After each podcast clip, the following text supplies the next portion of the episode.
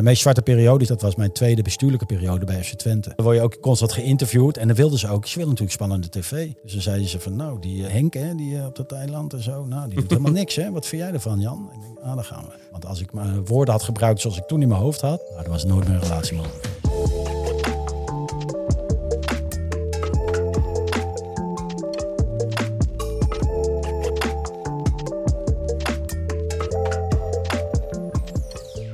Welkom bij Barberio Podcast, aflevering 30. Vandaag ga ik in gesprek met Jan van Halst, oud-profvoetballer. Je hebt een eigen bedrijf, van baas naar coach, wat als het goed is inmiddels uh, gewijzigd, is naar, gewijzigd is naar B. Robin. Ja.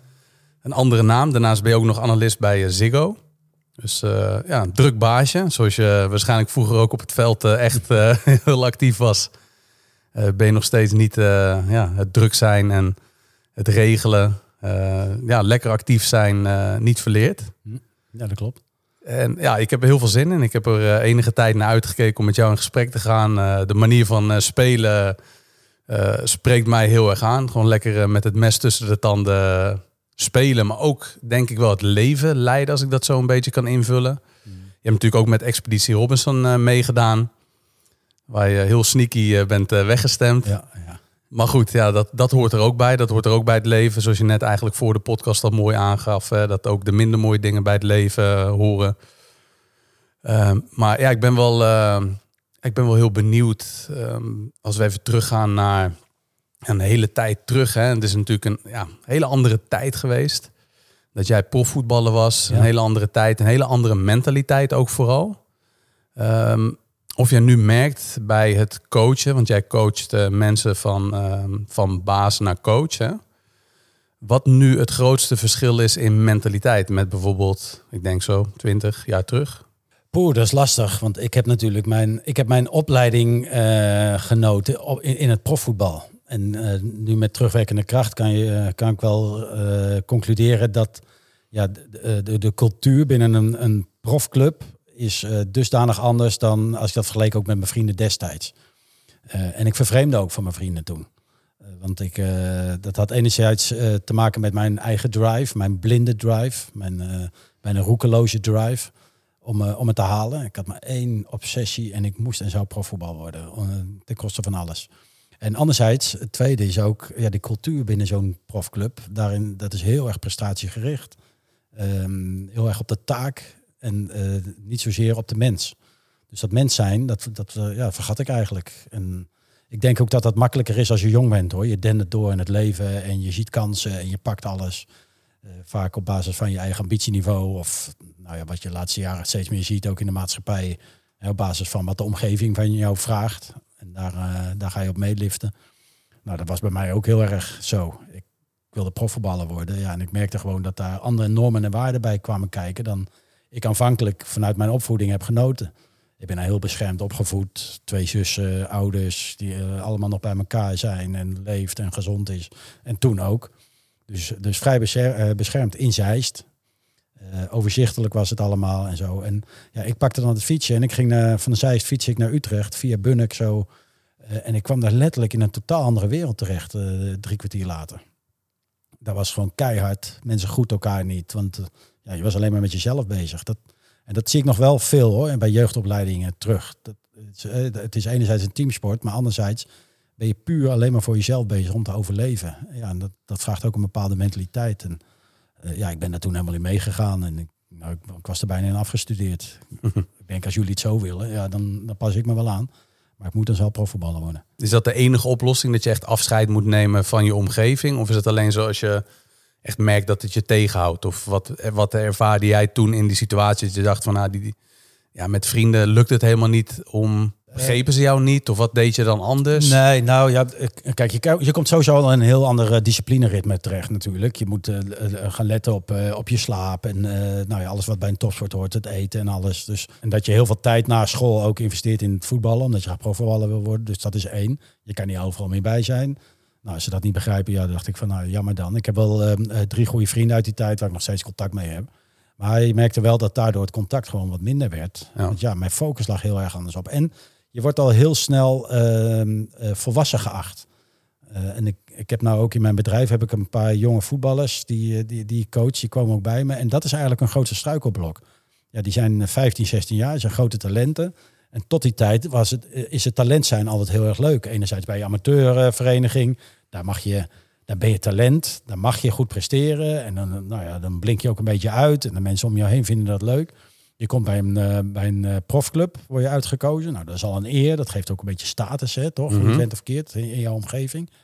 Um, maar dan worden ook heel vaak jeugdcontractjes uitge, uitgedeeld. En dat is het grote keerpunt. Vanaf dat moment moet je presteren. Dan wordt er wat verwacht van jou door de club. Je bent geen talent meer, maar ja, er wordt een pad uitgestippeld. Binnen nu en drie jaar moet jij in het eerste staan. Nou, en, en dat je een contractje krijgt, vaak zijn het hele lage bedragen. Maar het feit dat jij profvoetballer bent, officieel dan, ja, zorgt ook weer voor jouw omgeving. Vriendjes uh, gaan anders reageren op school. Er komt, uh, komt je ook jaloezie om de hoek kijken. Uh, verwachtingspatroon van je familie, van je ouders soms misschien wel. En zo. Dus dat is wat. Hè? Als je 15, 16 jaar bent en, en dat verandert allemaal. nou, de, de spotlights staan vol op het voetbal natuurlijk. Want als jij een hele goede badmintonner bent, ja, dan vinden ze het allemaal leuk. Maar mensen weten dat echt niet hoor. Ja, je bent vaak weg. Wat doe je dan? Ja, badminton. Maar profvoetballen weet iedereen. Op de school, al je vriendjes weten het. Er wordt over jou gepraat. Nou, dat, dat gegeven op, op zo'n jonge leeftijd. Hè, dus je wordt al geacht om volwassen te gaan acteren.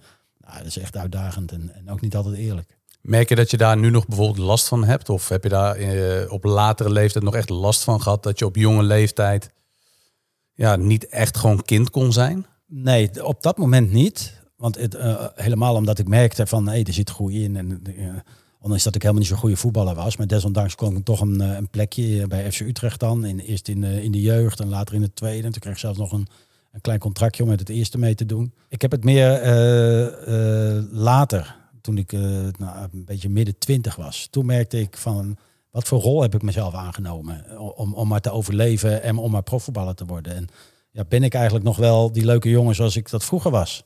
Maar toen was ik echt een leuk jochie. Nou, dat was ik helemaal kwijt. Ik was echt een rol gaan spelen van die keiharde profvoetballer. Die, nou ik vond ook dat iedereen in mijn omgeving daaraan uh, moest voldoen en mee moest. En zo niet, nou ja, dan moest je maar opzouten.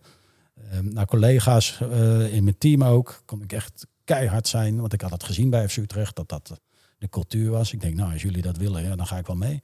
En toen was ik midden jaren twintig en ik had ondertussen wel een relatie met Karin en uh, eerste kindje was op komst. En dacht ik, ja, ben ik wel gewoon nog de leuke jongen van vroeger? En kan dat überhaupt wel samengaan? En dat, toen is een beetje mijn zoektocht gestart. Um, echt heel interessant, maar het, heeft mij in ieder geval... Het, um, nou, ik heb al die jaren eigenlijk met een soort van zak van, met aardappel op mijn rug gelopen. Om, om die, dat imago maar in stand te houden. En dat viel daarna van mij af na een tijdje, toen ik erachter kwam. En dat was verademing. Dat was verademing. En ik merk dat nou nog steeds heel veel bij mensen om me heen, ook in mijn coachingsvak.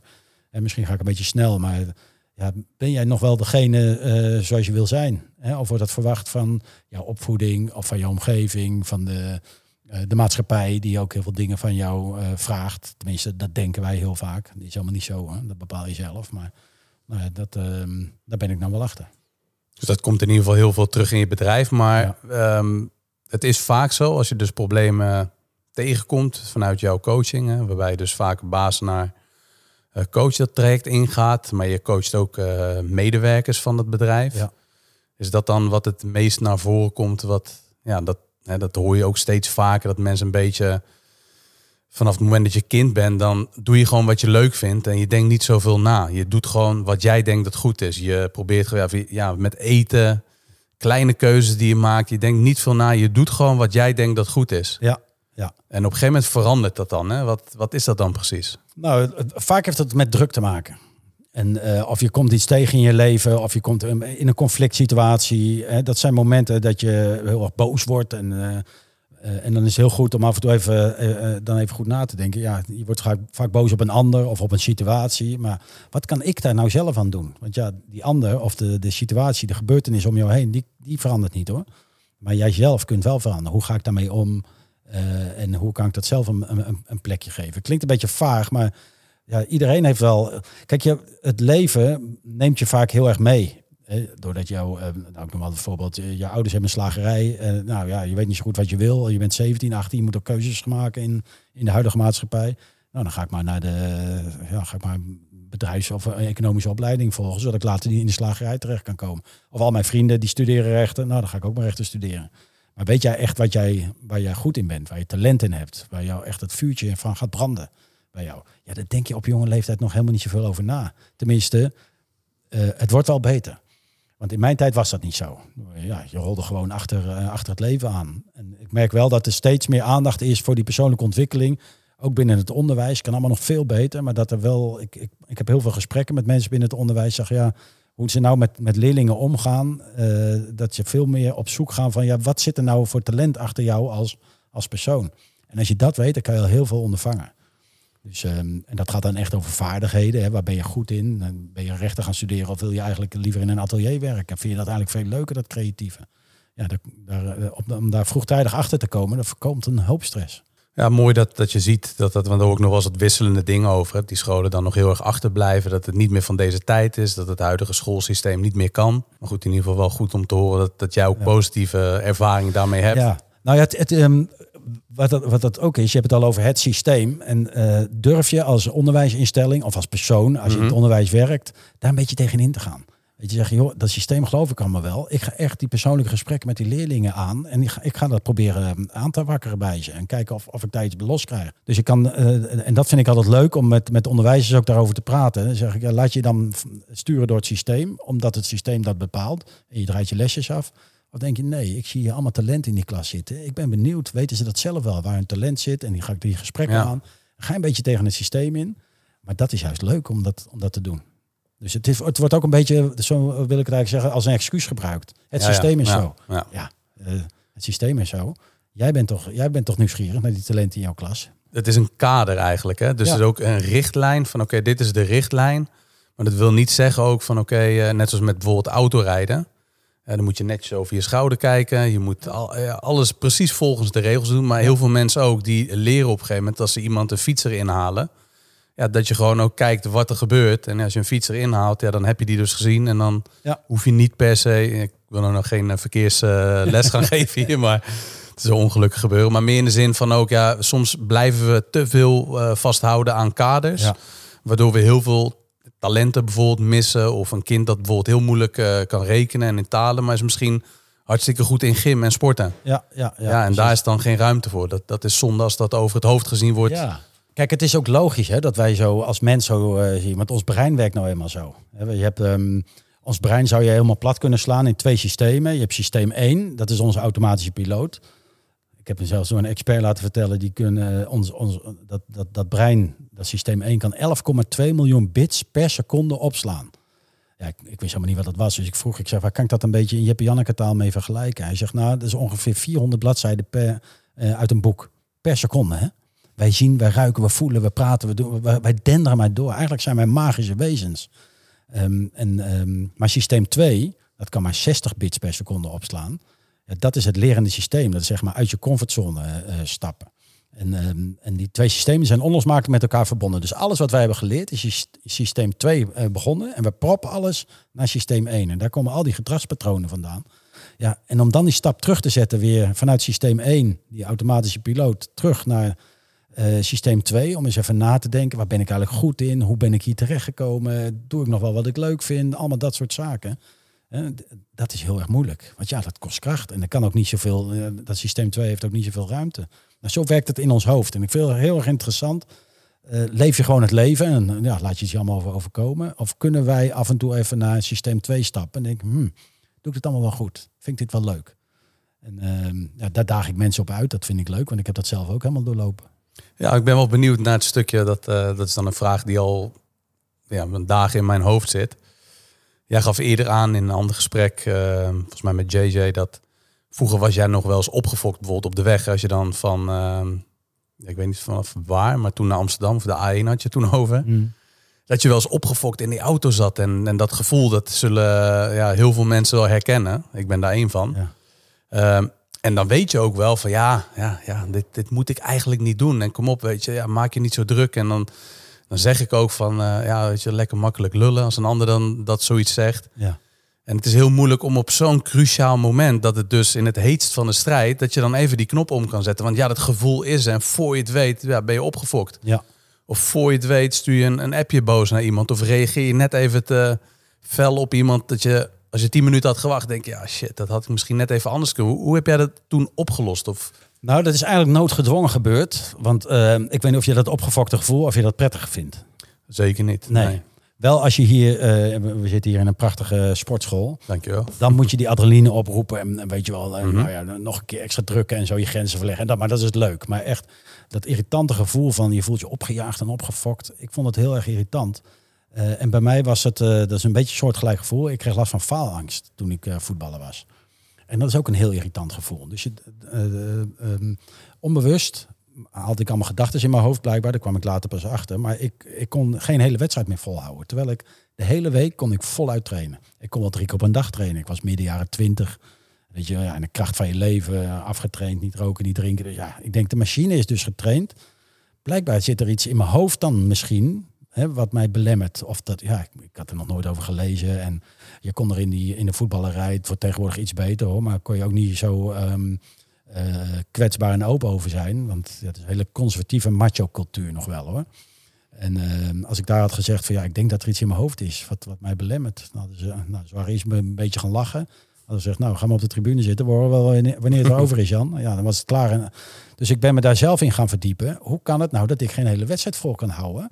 Sterker nog, dat ik ook plezier in het voetbal verlies. Want ik moest dan zondags voetballen en ja, ik was na een half uur helemaal kapot. Terwijl ik door, door de week kon ik wel drie keer op een dag trainen. Ik denk, dat kan niet. Dat, dus daar ben ik me helemaal in gaan verdiepen. En toen ben ik er ook achter gekomen dat ik onbewust, hè, dan heb je het weer, dat systeem 1.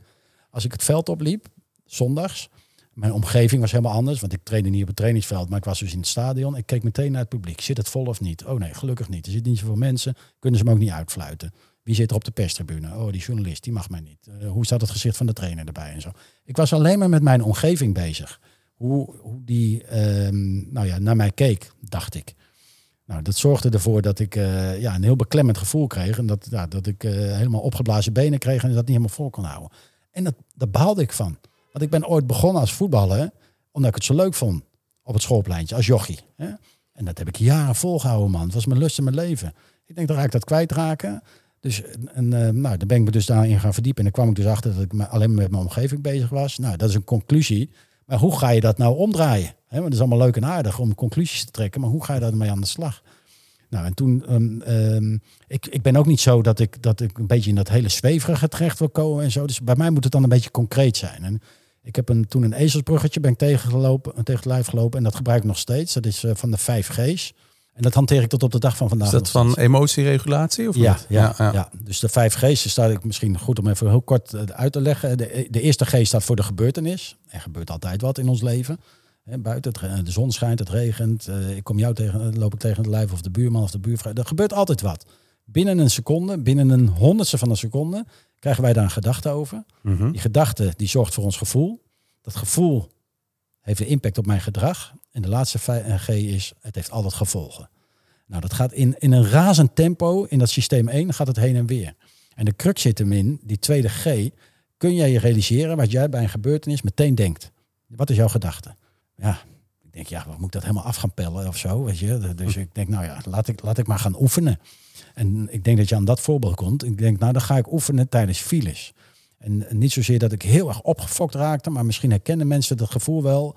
Je, je hebt een beetje haast, je rijdt op de snelweg en je ziet in de verte, zie je die file opdoemen. Je ziet eerst dat je maar 70 mag, dan maar 50, en zie je al die rode lampjes. Nou, dat, dat vond ik al irritant. Ik denk, jeetje, kunnen die mensen niet aan de kant, weet je, ik moet er door. Nou, dat, dat, ik denk, ja, dat, dat grenst een beetje aan dat irritante gevoel van die faalangst. Ik denk, ga ik daarmee oefenen? En dacht ik van, uh, nou, dan gaan we hoor met de tweede G. Zag die file opdoemen, dacht ik, ah, leuk, een file. Ja, ja, dat werkt niet natuurlijk. Ik moest ook lachen. Ik denk, wat ben je nou voor kluns, man? Ik denk, nou, ik ben de man van, uh, ik wil altijd doelstellingen hebben. Ik denk, nou, um, ah, leuk, dan kan ik wat langer naar Edwin Evers op de radio luisteren. Dat was toen een radioprogramma, was altijd leuk. En, uh, mm, mm, mm. nou, ging wel wat beter. Ik denk, nee, ik moet doelen stellen. Dus dan reed ik de file in. Ik denk, nou, dit is mijn doel. Ik ga drie mooie vrouwen spotten in de, in de file. Dat moet. Terwijl ik in de file zat. Nou, je zit al een beetje te grinniken tegenover me. Ik ook hoor. Ik zat in die auto. Maar ja, op een gegeven moment denk ik, ga maar doen. Dus nou, had ik er één gevonden. Ik denk, heel leuk. Nou, nog een tweede. En op een gegeven moment begon die file al te rijden.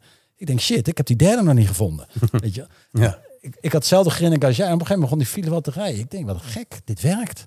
Want ik zat helemaal niet aan die file te denken. Ik denk, Het werkt dat je aan die tweede G knutselt. Ik ga daarmee aan de slag.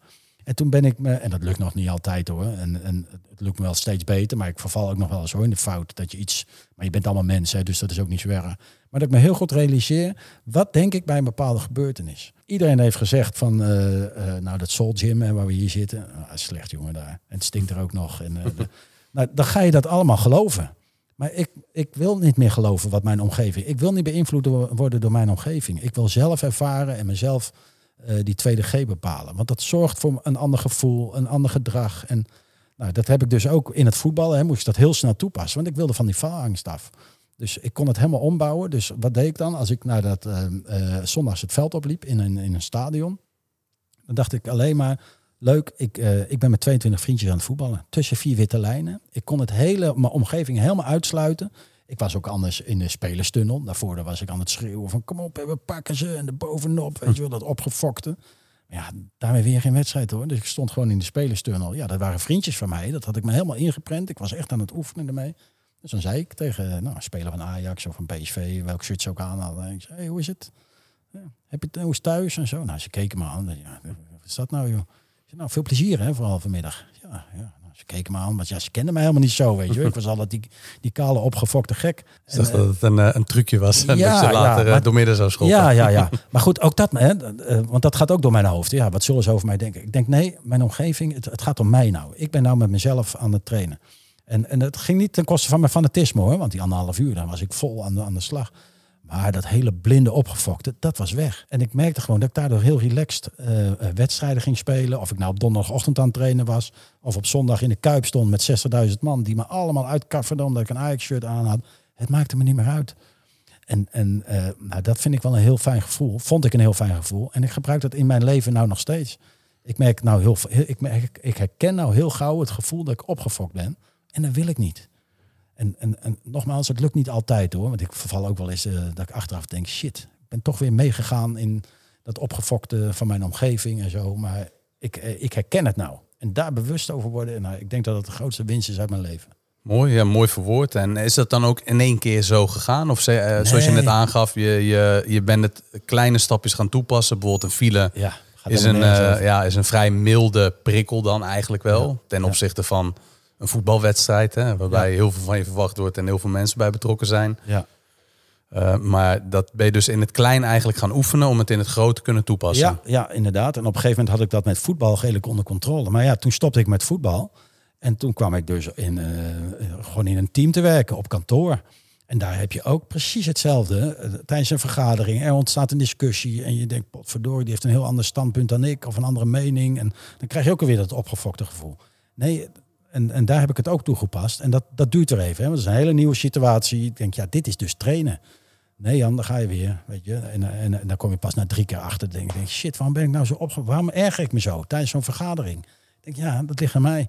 Dus nou, ga je weer naar die tweede G. En dan ging ik weer aan de slag. En nou, dat lukte de eerste keer 10 minuten. En de volgende keer 20 minuten. En op een gegeven moment maak je dat ook eigen. Dus het is ook de uitdaging als je steeds in een andere omgeving komt. Om dat dan ook blijvend toe te passen. Nou, ik denk dat me dat nu wel redelijk goed lukt. Als iemand een andere mening heeft, nou, ik denk helemaal niet, wat een stomme mening. Ik denk meteen, hey, interessant, hoe komt dat vandaan? Hoe, hoe, hoe zal het komen dat hij zo naar die, naar, naar die situatie kijkt of zij? Of, uh, dat is heel anders. En wil niet zeggen dat ik daardoor een softie ben geworden. Nee, ik ben me veel meer bewust van, uh, van mijn omgeving, hoe zij denken. En, maar ik ga er vooral zelf heel anders mee om. Nou, dat is echt een verrijking voor mijn leven geworden. Ja, het is niet zo dat jij, dat is wel vaak waar mensen dan bang voor zijn. Ik heb dat zelf dan ook. Dat je af en toe ja, jezelf een beetje probeert echt ja, in toom te houden. Dan merk je van, nu is mijn vuur helemaal verdwenen. Maar dat is absoluut niet, nee. niet het geval. Dat zit er nog echt wel volle bak ja, in. Ja, dat zit van. Maar ik begrijp precies wat je bedoelt. Want dat, uh, nou, ik krijg ook van mijn vrouw bijvoorbeeld. Heeft ook wel gezegd, ja, jij altijd met je, met je geest en zo. Dat uh, geloof ik, dat is toch belachelijk wat ze daar doen en zo. Weet je wel. Ik zeg, ja, dat is ook zo. En, en, je moet er ook voor uitkijken hoor. Dat je niet alles alleen maar gaat uh, relativeren. relativeren en, en, maar het, het, het, helpt me wel. Vooral als er wat dingen onbewust in mijn hoofd gebeuren die ik zie. Hè, als je dan, want je moet, je moet ook wel meningen blijven geven en zo. Ook als je in een keukentafel zit. Want anders word je echt zo'n... Ja, de, die situatie heb ik ook meegemaakt. Hoor. Dus zei hij van, joh, je zit hier wel vaak aan de keukentafel, maar je bent het niet echt. Dacht ik, ja, nou moet ik uit gaan kijken. Weet je? Ja, En ja. Dus, dus, maar ook dat is weer trainen. En, en, en Even voelen bij- afstemmen. Ja, afstemmen, weet je wel. En ik, ik moest van binnen wel lachen hoor. Dat ik dacht, hm, dan ga ik een beetje te ver. Maar ik ben wel op weg. Ik ben wel op weg. En, en, en, en ik denk dat die balans nou wel redelijk oké is. Ja. Denk ik. Maar, eh, maar ja, ook dat is trainen. Maar ja, als jij hier traint met al die gewichten. Weet je, soms scheur je ook wel eens een keer een spier of zo. Denk ik, oeh, dat gaat iets te ver. Is dat een beetje een extreem voorbeeld? Maar de, dan gaat, weet je, of iemand heeft extreme spierpijn de volgende dag. Denk, Ja. hm, misschien, ben ik, misschien zijn we iets te ver gegaan. Maar je bent op weg. Je bent op weg. En dat is ook in je, in je koppie. Dat vind, ik, dat vind ik de grootste uitdaging. Hoe kan je die spieren in je hoofd nou trainen? Soms ga je iets te ver, soms moet je even rustig weer. Maar eh, daarmee aan de slag gaan en blijven ontwikkelen, dat Ja. vind ik fantastisch.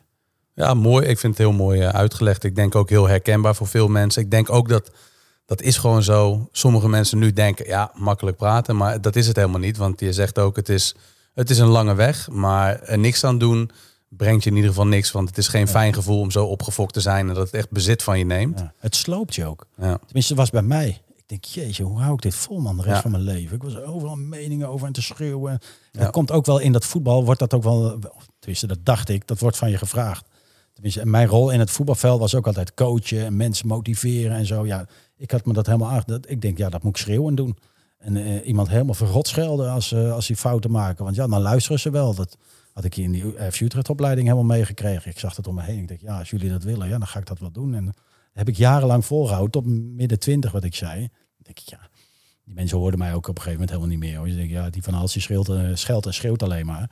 Ja, dan gaat het ene oor in en het andere oor uit. Dus, maar ook dat had ik helemaal niet door. Ja. En, en, en dat kreeg je later pas door. Dat je denkt, joh, wat heb ik een hoop jaar weggegooid? Wat, wat zonde. Ja. Nou goed, toch eh, een mooie carrière uiteindelijk gehad. Ja. In die mooie carrière, welke speler is jou het meeste bijgebleven? Als je echt denkt aan die carrière, wat dat af en toe nog in je gedachten zo'n speler omhoog komt, ja, dat is wel op wat voor manier? Eh, nou, in meerdere opzichten is dat Ronald de Boer geweest. Ronald die, ehm, die kwam bij FC Twente ehm, en werd uitgeleend door, nee, werd verkocht door Ajax aan FC Twente. Ehm, ik vond het wel heel interessant hoe hij voetbal beleefde. Het, eh, je merkte meteen dat hij een hele, hele goede jeugdopleiding achter de rug had. En eh, ja, dat, dat merkte je ook bij Ajax. Los daarvan was het geweldige voetballer. Dus daarom, eh, ik, ja, hij is wel de beste voetballer waarmee ik ooit heb gespeeld. Want tijdens trainingen ging hij wel eens in de spits staan. Of laatste man. En na afloop gingen we op doel schieten en dan stond hij in doel. Pakte alle ballen uit de kruising. Daar ben ik helemaal gek van. Maar ehm, eh, in mentaal opzicht was hij ook wel belangrijk eh, om mij te helpen. Want ik, ik, ik zat nog een beetje in die fase, het was begin 20 jaar. En ik was nog een beetje in die, in die, in die scheldfase. Hè, en, dat, eh, en ik was constant aan het zeuren en aan het zeiken. Over, ik wilde altijd maar beter en beter. En jongens om me heen waren daar op aan het mopperen. En ik voelde me een beetje alleen staan. En eh, ik weet nog heel goed een training dat hij het voor me opnam. Dat hij zei, jongens, jullie moeten ophouden met Jan. eh, steeds af te zeiken. Hij wil maar één ding, hij wil beter worden. Zouden jullie eens wat van moeten leren? En toen wendde hij zich tot mij. Hij was ook pas 22 of zo. Hè? Hij zei, maar je- Zijn jullie even oud of is hij is ouder? ja, nee, hij, is, hij was iets jonger. Oké, Hij is jong. Ja. één of twee jaar jonger. En ik was eh 3, 24 en hij 1, 22 of zo. Maar toen wendde hij zich ook naar mij. Hij zegt, Jan, en bij jou kan het wel een stukje minder. Want alleen maar schelden, daarmee bereik je ook niks. Dus hij pakte in één keer die hele groep op 22-jarige leeftijd. En die, en die eh, bracht die andere normen en waarden bij. En ook naar mij toe. Dat ik dacht, ja, ja, je hebt wel een punt. Weet je, ik ben alleen maar aan het schelden en tieren. Dus, eh, en dat zorgde ervoor dat die hele groep bij elkaar kwam. En dat gaat om een eh, ja, interventie van een minuut. Misschien was die minuut even zo aan het praten tegen iedereen. Ik denk, wauw zeg, als jij dat nu al kunt. Nou, dat heeft zijn, zijn carrière ook, ook uitgewezen. En tot op de dag van vandaag, het is nog steeds een vriend van me. Eh, hoe hij eh, als an- zijn analyses doet, hoe hij daar met mensen omgaat. Is totaal niet veranderd ten opzichte van 30 jaar geleden. Dit vind ik een hele, voordat ik het vergeet, eh, daar dacht ik ook eerder nog over na. Wat ik zo belachelijk knap vind, is om in het heetst van de strijd. Maar ja, dat is, dat is ook een klein beetje wat, wat ik dan, eh, wat mijn vraag aan jou is. Ehm, is om zo, wedstrijd is geweest, boem. Je moet zo je analyse klaar hebben. En natuurlijk oefen je dat, train je dat. Maar zit er nou heel veel verschil in wanneer jij nog echt zo vol in die emotie zat?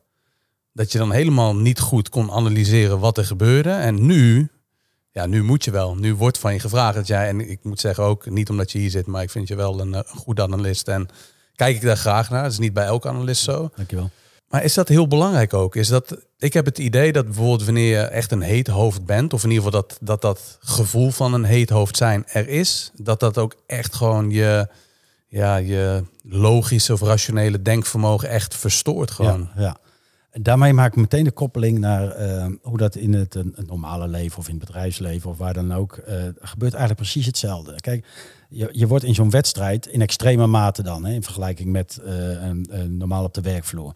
Maar je wordt toch in de waan van de dag, word je toch meegesleurd. Hè? En, um, nou, bij voetbal gebeurt het dan ook nog met adrenaline en het tempo is hoog. Je moet heel snel, binnen, binnen secondes moet je beslissingen nemen. De kracht of de, de, de uitdaging is juist om af en toe in een helikopter te zitten en jezelf te zien lopen. En daarmee ook het hele speelveld te, te bezien. En denk, wat, wat ben ik eigenlijk aan het doen? Ben ik gewoon maar uh, ja, achter de bal aan aan het rennen? Of tijdens een vergadering uh, laat ik me meesleuren? Of kun je in een helikopter gaan zitten en eventjes gaan wat zijn we nou nog hier aan het doen? Is het effectief? Is mijn gedrag effectief? Uh, is van toegevoegde waarde? Komen we hier verder mee? Maken we echt wel afspraken met elkaar? Zijn we eerlijk tegen elkaar of zijn we aardig tegen elkaar? Dat is ook een heel groot verschil. Um, maar dat is, dat, is, dat is heel erg lastig. Ik ben er ook heel veel met, dit is leiderschap. leiderschap wordt heel vaak geassocieerd met bovenaan de piramide staan en dan de leider uithangen. Nee, want je hebt ook leiderschapsgedrag binnen teams. En dat heeft er niks mee te maken met de positie, maar wel met de toegevoegde waarde en, en het bewustzijn creëren van door je opmerkingen die je maakt. Alleen moet je dan um, uh, ja, een soort van um, um, mogelijkheid hebben om af en toe eventjes in helikopter erboven gaan hangen. Als je in voetbaltermen wil blijven, ja, kan je af en toe op de tribune gaan zitten. En dan zie je dat speelveld, zie je ze bewegen. En vanuit de tribune, dan zie je toch heel anders uh, wat er gebeurt dan dat je in de waan van de wedstrijd of de waan van de vergadering of, nou, waar, je, eh, waar je dan ook maar bent, hoe je dan bezig bent. En ja, dat is ook trainen.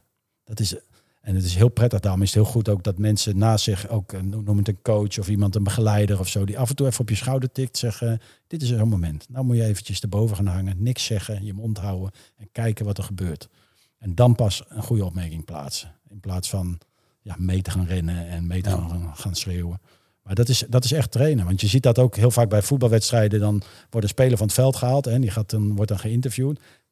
en dan zit je soms en je denkt, heeft hij een hele andere wedstrijd gezien of zo. Maar dat kan je hem niet kwalijk nemen. Nee. Want in de waan van de wedstrijd, ja, heb je gewoon ontwikkeld hele andere denkbeelden. En dan zit je in een hele andere wereld. En, en, en dat is precies hetzelfde op de werkvloer ook. Soms zit je in een hele andere wereld. Je laat ja. je meesleuren. En mensen om je heen zeggen, nou belachelijk, hè, dit en dat. En nou, de baas heeft dit gezegd. En nou, het bedrijf wil daar naartoe, is toch ongelooflijk, hè? Ja. Ga eens even boven hangen, even nadenken. Waarom zullen ze dat doen? Wat is mijn toegevoegde waarde? En dan kan je veel beter um, analyseren. Ik heb ook altijd het idee dat uh, als je heel emotioneel bent, dat je dan ook moeilijker rationeel bent. Uh, dat die twee ook heel moeilijk naast elkaar leven. En dat het ook heel moeilijk is. Als je zit vol in je emotie, ja, dan kun je niet veel rationaliteit verwachten. Nee. En iemand die heel rationeel is, ik vind dat persoonlijk nog wel eens irritant. Want dan denk ik ook, okay, toon is wat emotie, ja, ja. man. Ja, of vrouw. Maar goed, dat is dan, weet je, dat, dat is dan heel, uh, heel belangrijk. Maar soms denk ik ook wel van, oké, okay, als je voor jezelf maar beseft, oké, okay, ik zit nu in mijn emotie. Ik kan nu niet rationeel denken. Dus ik moet nu ook geen, geen keuzes gaan maken of gesprekken gaan voeren. Want ja, dan weet ik ook dat het emotie is. Dus dat, dat is ook wel iets wat jij zelf heel erg toepast. Ja, ja, ja. Of traint aan mensen. Of ja, want die, want die emotie kan je nooit uitschakelen. Die hebben we allemaal, gelukkig ja. maar. Hè? Want, uh, en moet je ook laten zien. Weet je, daarvoor zijn we mensen. Daarom, daarom is deze wereld ook zo leuk, vind ik. Door al die verschillende mensen om je heen, andere emoties en zo. Alleen het herkennen, dat is, en je bewust van zijn, dat vind ik wel een heel groot goed. A, inderdaad wat jij zegt, dat je geen emotionele beslissingen neemt, waar je drie dagen later over denkt, shit, weet je, een beetje te snel uh, uh, geroepen over een beslissing genomen. Uh, maar het is ook leuk om elkaar daarop uh, te kunnen corrigeren. Dan ben je echt, echt een goed team. Weet je, dan dat je zegt, we zien dat we emotioneel worden tijdens deze discussie of whatever. Laten we hem even parkeren, even een nachtje slapen en dan iedereen kan er even over nadenken, gaan we morgen weer verder. In plaats van, ja, we hebben haast, we moeten overhaast nu een beslissing nemen. En, want dat, dat is vaak, nou, daar, daar komen niet de allerbeste beslissingen uit voort. die emotie moet er zeker blijven, man. Dat is het, ook het leukste. Hè? En dat heb ik ook wel als ik mezelf nou hoor praten. En ik probeer dat uh, wat meer te structureren in mijn hoofd en zo. Maar ik denk ook wel, nou daarom, ik hoorde jouw opmerking net ook, ja, als we alles gaan rationaliseren en, en onderbouwen, ja, dan gaat die emotie helemaal weg. Nou, dat wil ik ook niet. Ja. Ik wil wel gewoon de vrolijke gast blijven die af en toe een keer jankt of een keer huilt of een keer lacht of whatever. maar, um, maar dat ik het herken bij mezelf en dat ik dat dat is ook een soort van controle. Dat je dan denkt, oh, nou moet ik even geen rare beslissingen. Ik heb het thuis ook, weet je. Dat ik denk, nou moet ik even niks roepen. Want anders uh, dan, uh, dan krijg ik ruzie. Of uh, dan worden mijn kinderen boos. Of mijn vrouw. Of ik denk, even, even mijn woorden inslikken. Ja. Morgen weer. Als dat kan, hè. lukt niet altijd. Maar. Nee, dus dat is iets wat ehm, een heel belangrijk element wat vaak vergeten wordt of ja, niet gezien wordt, is dat we onszelf wat tijd moeten gunnen. Ja, ja, inderdaad, inderdaad. Maar waarom, waarom, waarom reageren we zo snel? Wat, wat is het, wat maakt het dat we zo haastig zijn van, oh, zijn we niet comfortabel met dat rotgevoel? Dat is denk ik iets wat vaker terugkomt ook wel, maar ja. is, is dat dan het gevoel dat we helemaal niet meer kunnen dealen met gewoon even een dagje gewoon lekker boos zijn? Uh, eerlijk, dat heeft met ons ego te maken. We willen winnen. We willen de discussie winnen en je wilt we. Uh, uh, ja, dat zit er toch heel erg in. En dat, en dat komt ook voort uit onze. Maar dan ga ik helemaal, helemaal terug naar de historie. Maar ja, wij zijn natuurlijk overlevingsdieren.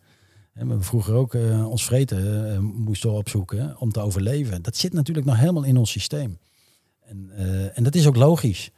Weet je, je, wat je ook ziet, of je nou in het verkeer bent of op je werk. Of, ja, we zijn een overlevingsmechanisme, hebben we ons aangeleerd is dat niet erg en dan ga je ook niet weghalen. Maar het is wel goed om daar af en toe even bij stil te staan. Je zegt, dat, daarom doe ik dit. Uh, laat ik dat nou even niet doen. Mm die, eh, die, emotionele beslissingen en zo. Maar hij is verrekt te lastig hoor. Het is heel mooi om hier in een podcast even, ja, alles zo, uit te spreken. Uh, ja, ja, moeten we even doen. Maar dat is echt lastig. Maar het herkennen, dat is wel goud waard. Ja. Dat je denkt, hmm. Ja, en dat je wat opties hebt. Ook dat je, dat je, dat geeft toch mij in ieder geval een geruster gevoel dat ik in ieder geval wat succesmomentjes heb. Bijvoorbeeld ook met wat kleinere dingen. Bijvoorbeeld in het verkeer. Door dan gewoon te zeggen ook, nou weet je, ik uh, ben wel iemand van het uh, laatste moment, vanaf vroeger al. Ja. Dat weet ik. Ik weet niet of ik dat ooit weg ga krijgen, maar dan weet ik ook wat de gevolgen zijn. Dus ik nu alles op het laatste moment, weet je wat ik ook kan doen? Ik kan ook gewoon ergens kwartier van tevoren zijn. Iedereen die me nu hoort lacht me echt uh, hard uit. maar dat ik in ieder geval ga proberen van als ik ergens een kwartier eerder ben, kan ik dan nog even op social media even die post maken. Ja. Ben ik op tijd, heb ik meer rust en dat gun ik mezelf. En natuurlijk ook de mensen met wie ik die afspraken heb. Maar ja. Dat, dat helpt al heel veel. Dat die kleine overwinningjes, die zorgen uiteindelijk voor een grotere rust in mijn lichaam. Terwijl ja, dat vuur, dat, dat weet ik. Dat, Wat jij net ook al aangaf, is dat dat vuur blijft er altijd in zitten. Ik kan er alleen wat beter mee omgaan. Dat vond ik ook mooi wat je net zei. Ja, ja. Nou, het is misschien wel mooi uh, dat jij dat aangeeft, want dat, dat is het natuurlijk ook. Hè. Het zijn allemaal kleine bouwsteentjes. Ik was hier ook te laat op deze afspraak. We hadden om twee uur afgesproken en om acht over twee kwam ik hier binnen. Uh, de Jan van tien jaar geleden, nou, die zou zich helemaal op, op zitten vreten en gaan crossen en gas geven. Maar dat komt omdat ik dus in mijn hoofd haal van ja, ze zitten er te wachten, ze, ze, ze vinden me een eikel als ik te laat kom en zo. Ik heb me dat helemaal afgeleerd. Ik heb alleen maar gedacht, ze zijn er toch nog bezig met andere klanten. Uh, ze zijn nog niet klaar met het opzetten. Uh, ik, uh, ik bied gewoon netjes straks mijn excuses aan en dan vinden ze dat al oké en zo. Daar word ik ook rustig van. Ja. En tien jaar geleden kon dat niet. Ja. Dat, en dat gaat een heel klein beetje stress. Dat heb ik dus niet meer. Nou, dat zijn allemaal kleine overwinningjes inderdaad. En als je daarmee begint, want ja, waar heb je het over, weet je wel, in, in, in, in, in het hele leven. Ik ben acht minuten te laat. Ja, ja ik blijf het vervelend vinden hoor. Tuurlijk, ik, ik, was met iemand aan de lijn, anders had ik jou tussendoor even gebeld van, joh, ik ben wat later. Maar, uh, maar stress heb ik er niet meer van. En dat is al een grote overwinning. Ja. Ik denk, ach, lekker zeg. Ja. En daardoor zit ik hier ook makkelijker te praten. Ja. Anders dacht ik, oh, ja, ik was al te laat. En uh, nou, zo boos zijn, dan ga je sneller praten. En dat heb ik helemaal niet. En dat is echt goud waard, is dat. Ja, want het is een soort gevolg. Hoe zeg het? Een, uh, het heeft gevolgen. Het is een soort domino-effect. Ja. Waarbij dus één steentje omvalt en het blijft maar gaan. Ja, ja, ja, exact, exact. Zijn er nog dingen die jou echt van streek kunnen maken? Dus als je, als je nu dan net dit soort dingen hebt besproken, dat je denkt ook van ja, al deze dingen die we net hebben besproken, als dit gebeurt, ja. dan kan dat echt de prullenbak in. Uh, ja, uh, oneerlijkheid. Dan, uh, dan merk ik echt, ja, dan, dan heb ik zoveel boeken gelezen over de 5G's en alles en zo. Die kennen allemaal de prullenbak in dan merk ik nog dat ik woest word. Is dat recentelijk nog voorgekomen? Bijvoorbeeld bij Ex Expeditie Robinson is dat, dat was meer een spel? Ja, dat was een spel. Ja, dat, ja. Uh... Nee, dat is niet echt. Maar ik merkte daar ook, daar had ik ook baat hoor, bij die 5G's. Want nou, dat was allemaal gekonk onderling en weet je wel. En uh, daar zat ik ook. Uh, nou, daar ging ik echt ook weer in die helikopter zitten. Ik, we hebben het over, joh. We zitten in een spel hier, er hangen wat camera's. En ja, ze willen dat, dat wij hier ruzie gaan maken. Nou, dat, lukt je echt niet. Dus, uh, nou, het is misschien wel leuk om te vertellen, word je ook constant geïnterviewd. En dan wilden ze ook, ze willen natuurlijk spannende tv. Dus dan zeiden ze van, nou, die uh, Henk, hè, die uh, op dat eiland en zo, nou, die doet helemaal niks, hè. Wat vind jij ervan, Jan? Ik denk, ah, daar gaan we. Dan zei ik, eh, nou, van die Henk, daar leer ik echt een hoop van. Want die is lekker rustig, doet niet zoveel. Ik zeg, ik wou dat ik dat had. Ik ben dan constant ook hier bezig en zo. Is echt heel leerzaam. Maar meteen, nou, dat wilden ze helemaal niet horen. En dus ik vond het leuk om daar constant eh, in het helikoptertje. Ik denk, ja, jullie krijgen mij niet gek. Ehm, maar goed, ehm, eh, ja, ik, ik wijd helemaal uit. De, maar dat, eh, dat mag je met podcast. Tuurlijk. Eh, ehm, nee, als, maar als in het echte leven iets op oneerlijkheid of dubbele agenda's of zo. En ik kom daarachter. Ja, dan, maar dan merk ik het ook fysiek. Dan, dan voel ik hem hier zo in mijn nek, voel ik hem kloppen. Dat, dat ik denk, en dan word ik weer even die ouderwetse profvoetballer, weet je wel. Ik denk, nou, één ding, maar ik schop je helemaal in elkaar straks. dus, dus ik heb het ook nog steeds, hoor. Ja. Maar wat doe je dan? Want dan gebeurt zoiets. Is het bijvoorbeeld recentelijk nog voorgevallen? Hoe ga je daar dan mee om? Maar dat is natuurlijk... Ik heb wel in kunnen houden dat ik niet meteen ben gaan schelden. Of eh, het ging via de mail. En, eh, eh, maar ik merkte aan mezelf, dit is zo oneerlijk. Nou, vroeger was ik dan, weet je wel, ik met de, telefoon gepakt en gaan schelden en zo. En, nee. En ik kwam beneden. en me- mevrouw Karin die zei nog wel, wat is er? Zei, niks. Jawel, zegt ze. Ik zie het aan je. Ik zie het. Blijkbaar krijg ik dan ook andere kleur of zo. Ik zeg, eh, nou, vertelde ik dat. En, eh, en eh, nou ja, zij is ook wel vrij pittig. Dus oh, belachelijk en dit en dat. Toen dacht ik, ik krijg er nog eentje, weet je wel. Dus ik denk, ik denk rustig blijven, rustig blijven. Ik heb hem wel ingehouden. En dan helpt een nachtje slapen wel. Maar tijdens die nacht zit ik ook nog te malen. Ik denk, goh, ik word echt zo'n softie. Weet je wel, met je Ja. 5G's aan. Flikker toch op man. Hup, eh, uit je gewoon. Eh. Maar de, ik heb me wel geuit hoor, de volgende dag. Maar in andere bewoordingen. Waarbij, waarbij in ieder geval die relatie een beetje in stand bleef nog. Met degene waar, eh, waar ik het mee had. Dus dat was in ieder geval de winst. Want als ik mijn woorden had gebruikt zoals ik toen in mijn hoofd had. Nou, dan was nooit meer een relatie mogelijk geweest. Nee. Ja, en dan heb je ook nog steeds dat krachtige gevoel. Ik denk dat dat ook wel eens, eh, als je dan niks zegt, Ja, ja. dan ga je echt heel zwak voelen. En dat is ook, ja, Nee. En dat ben ik ook niet. Nee. Ik ben toch wel een, eh, ja, een Ja. mannetje die af en toe vanuit zijn passie eh, dingen doet. En, dus dat moet wel blijven, ja, ja. ja. Dus alles wat ik nu zeg, dat, en dat is echt de uitdaging hoor, in, balans te blijven. Je moet ook weer niet zo, ja, zo'n zo'n zo'n vlakke lijn worden, weet je wel. Dat je, nou, ja. af en toe ook verrassingen in zitten. Je gedrag en je... Maar iets meer, eh, dat die uitschieters wat minder. Misschien is dat het beste. Die Ja. uitschieters eh, zijn wat minder Iets rustiger vaarwater, maar Ja. nog steeds wel wat golfjes. Ja, ja, ja, zeker. Het moet altijd blijven golven. Geen app en vloed meer. Nee, nee, nee. Wat ik ook wel heel interessant vind om natuurlijk eh, te vragen. Ehm, ja, je hebt met zoveel spelers gespeeld. Ibrahimovic, Mido, Rafael van der Vaart, Wesley Sneijder. Eh, zo kan ik nog wel even doorgaan, denk ik. Maar echt allemaal wel mannetjes. En hè, die, die, die toen op dat moment was het misschien nog niet helemaal duidelijk. Maar dat, dat zijn uiteindelijk hele grote namen geworden. Hoe is het met om met dat soort gasten te spelen? En überhaupt dan continu elke dag in aanraking te zijn? Frustrerend. en ik zeg frustrerend, omdat die gasten konden zo goed voetballen, jongen. Dat was echt ongelooflijk. En ehm, ik, heb, ehm, ik heb enerzijds geluk gehad dat ik nog bij Ajax terecht kwam. Daardoor kon ik, kon ik zien hoe hoog de lat eh, werd gelegd door al die individuele spelers, maar eigenlijk door die hele organisatie. Hè, dat het eh, daar nooit goed genoeg is. Moet altijd Maar beter. hoezo heb je daar geluk mee gehad? Eh, nou, omdat ik niet zo'n goede voetballer was. Ik was pas op mijn dertigste ben ik daar terechtgekomen. Net, en, en natuurlijk dwing je dat ook wel weer zelf af. Door, Ja. Dat je zelf een aardige bal trapt hoor. En, dat realiseer ik me wel. Maar ja, je moet wel mazzel hebben. Net een trainer hebben. Dat Ja. is net jouw positie. Danny Blind die stopte met voetballen. Nou, ze zocht een soortgelijke spelen. Eh, ik wil, wil me er absoluut niet mee vergelijken. Maar wel een beetje zo'n tactische nadenken. Nou, ik was, eh, ik was ervaren. En, eh, dus ik kwam op mijn dertigste, wat vrij laat is, nog bij Ajax terecht.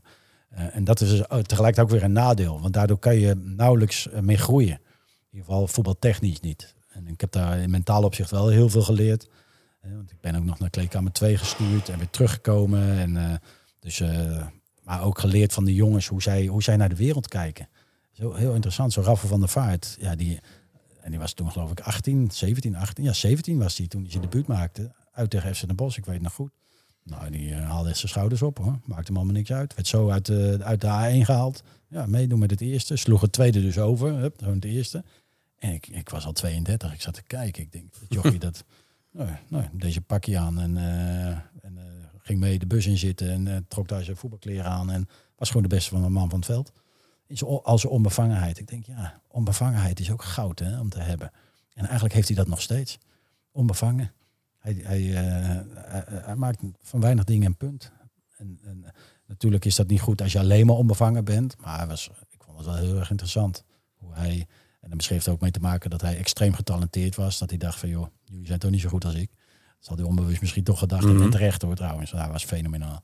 Dus uh, ja, bij- heel erg interessant. En bij Ibrahimovic is dat wel eens anders geweest, toch? Want jij, eh, hoe hij zich presenteert, dat is niet hoe toen jij met hem op die kamer lag, Nee. zich, eh, zich voelde. Want dat, Ja. was, dat is een, een meer masker wat hij opzet. Ja, 100%. Ja, ja die, speelt, die doet al jaren masker. En ik heb nou het idee dat hij dat meer voor de, voor de fun nog omhoudt, hè, voor de buitenwereld.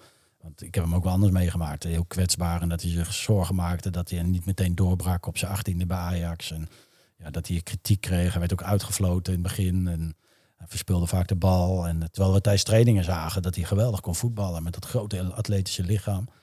En ehm, ja, dat, dat, heel af en toe liet hij dat wel eens bij. Want Ronald Koeman stopte ons eh, samen op een kamer. En dat ik als ouder, eh, weet je wel, wel een beetje hem dan bij de hand kon nemen of zo. Dus ik probeerde af en toe wel een gesprekje met hem te voeren. Hoewel dat ook al lastig was. Ook daar hield hij al een beetje dat masker voor. En zei hij ook wel van ja, mensen weten niet eens hoe goed ik ben. En ze snappen er allemaal niks van. En, maar ik merkte wel aan hem dat hij, dat zei hij ook later wel. Ja, hoe kan het nou joh, dat het op de trainingen wel lukt en in de wedstrijden niet. En, dus dat hij zich daar wel zorgen om maakt. En je kan hem alleen maar een heel groot compliment maken. Dat hij is maar doorgegaan en doorgegaan. En eh, hij is ook voor zichzelf gaan trainen. Maar dat deed hij ook niet toen hij 18 was. Toen dacht hij van ja, ik ben zo goed. Waarom zou ik extra naar het krachton gaan? En eh, ik ben toch heel goed. Dat was voor zijn leercurve heel erg goed. Dat hij daar op de bank terecht kwam bij Ajax. En dat hij doorkreeg van ja, ik moet wel wat meer leveren. En later heb ik begrepen, ook in Italië kwam hij ook in het begin op de bank.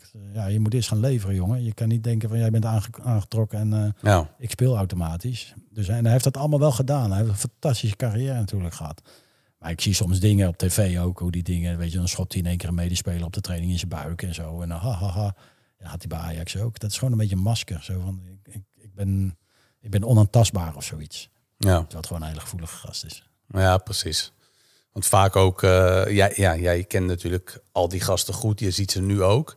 Wij zien natuurlijk maar een gedeelte. Wij zien iemand op een veld staan. En net zo ook, ja, ik heb een idee van, van jou als voetballer. En natuurlijk, eh, je maakt nu dan de analyse. Dat is wat ik van je zie.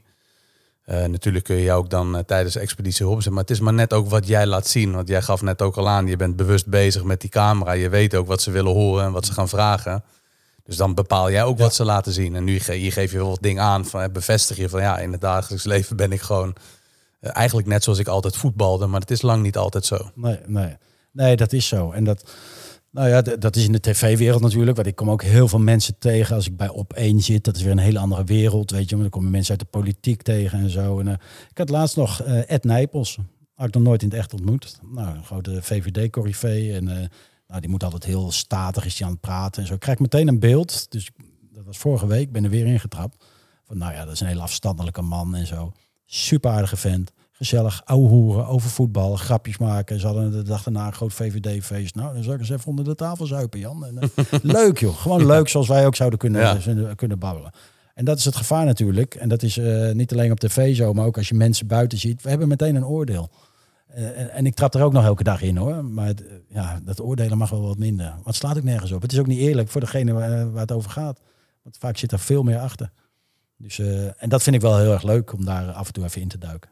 Over een eh, lolletje gesproken. Zijn er nog echt dingen als je bijvoorbeeld in een dipje zit of zo. Of bijvoorbeeld ook die kleedkamerhumor vind ik altijd wel prachtig. Gewoon iets grappigs, een grappige situatie. Dat je denkt van dit is echt, eh, dit heb ik misschien nog niet verteld. Of gewoon iets heel grappigs van, van, van die voetbalperiode. Dat je denkt, elke keer als ik daar aan denk, dan schiet ik echt in de lach. Dat ik echt, eh, Nee, nee, ik zal. eh, ja, ik heb heel veel dingen wel verteld met goedkeuring trouwens. Hoor. Want ik vind, nou ja, wat ik eigenlijk vind, wat er in de kleedkamer gebeurt, is een soort van code. Hè? Ja, En, eh, ja. Ik heb ook wel mijn gedachten over sommige jongens van, van, waarmee ik in de kleedkamer heb gezeten. Die hebben een boek uitgebracht. waarbij ook kleedkamergeheimen werden gedeeld. Ja, ik vind dat. ik zou dat nooit, nooit doen.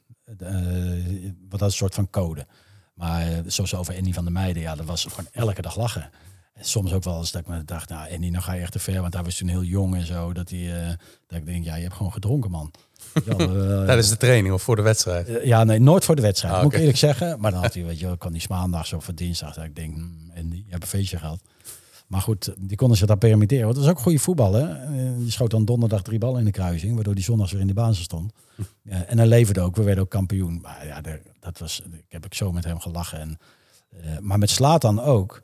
Ik heb Slatan ook een keer. Dat, eh, vroeger trainden we bij Ajax naast het stadion. Tegenwoordig is dat geloof ik allemaal naar de toekomst. Maar naast het stadion. En dan moest je al die trappen op naar boven, naar dat parkeerdek. En dan liepen we zo het stadion in en daar hadden we de, de kleedkamer. En toen liep ik een keer naar een training.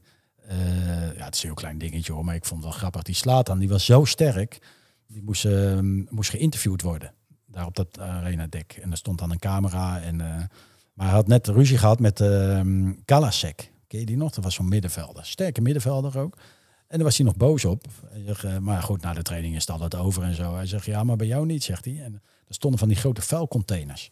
Hij heeft die Galasek op zijn schouder genomen, heeft hij in die vuilcontainer gegooid, deuren dicht. En hij ging op die, weet je, van die klappen, van die, die grote ijzeren vuilcontainers. Ja, die heb je bij bedrijven wel staan. Die stonden ook op de parkeerdek. Nou, die Galasek daarin gegooid. En hij ging op die deuren zitten en hij liet zich rustig interviewen. En op de achtergrond hoorde hij, help, help, let me out, let me out. En, zo. en wij liepen er langs. Ik denk, ik hoor toch iemand schreeuwen, wat is er? En hij zat met een stalen gezicht te interviewen. Nou, ik denk, ja, maar ik hoor toch echt wat. Op een gegeven moment was hij klaar met het interview, doet hij die dingen omhoog. Nou, die Galasek naar buiten. Nou, achter elkaar aanrennen en zo. Nou, dat soort dingen, dat zorgt ook wel weer, daar heb je het ook weer, weet je. Er staat dan is gewoon een hele leuke jongen, weet je, met humor. En dan zaten we hem weer af te zeiken en zo. Dus... Ja, ja, de meest is deze podcast ook voor een beetje met een schuine ogen, met, met een beetje funzige. Mag, mag, mag nou, allemaal. Ja. Nou, ik heb een keer een schop voor mijn hoofd gehad bij Ajax. En uh, liep met zo'n tulband om. En de volgende dag had ik nog twee hele grote witte pleisters daarop. Want uh, ja, het was allemaal kapot en een beetje gehecht en zo. En, uh, en we waren naar de training in de kleedkamer. En ik had die training had ik nog een beetje duizelig en zo. Had ik met die grote pleisters op mijn hoofd dat ik volbracht. En we zitten daarna in de kleedkamer. En nou, er al een beetje geroezemoes onderling, weet je wel. En ik hoor in één keer in een hoekje hoor ik ook roepen... Ah, Jan, hoe gaat het? Heb je pijn in je hoofd, jongen? Gaat het met je? Ik denk, wat hoor ik nou? Wat is dat? Zat een van de meiden met zijn uh, geslachtsdeel... met, met twee pleistertjes op, op zijn eikel. Zat hij, zat hij dat te aaien? Zat hij tegen dat ding aan te praten? Ah, gaat het met je, Jan? nou ja, en, maar dat is, ja, het is een beetje, nou goed, het, valt ook wel mee. Maar dat, dat is zo grappig, jongen. Dat kan je maar wegdragen van het lachen. En dat is wel een van de dingen die mis ik wel een beetje nou. Hoor. Weet je, we zitten nou ook serieus te praten, maar die lol moet wel blijven. En ook Tuurlijk, ja. Als ik ja. Andy ook zie, of met mijn vrienden, je moet ook wel lol maken met elkaar. Dat, dat houdt het leven wel smeuig. Ja, dat is wel een goeie. Mooi. Hè? En um, even los van de spelers. We hebben natuurlijk veel spelers nu een beetje besproken. Of heb je wel eens wat over verteld? Welke trainer ja, is voor jou echt wel uh, van de grootste invloed geweest? Of heeft de, de grootste indruk op jou gemaakt? Uh, dat zijn er twee. Nou, ik zou met eentje beginnen. Die was eerder in mijn carrière. Die kent niemand meer. Is ook al overleden. Uh, is Jan Morsink.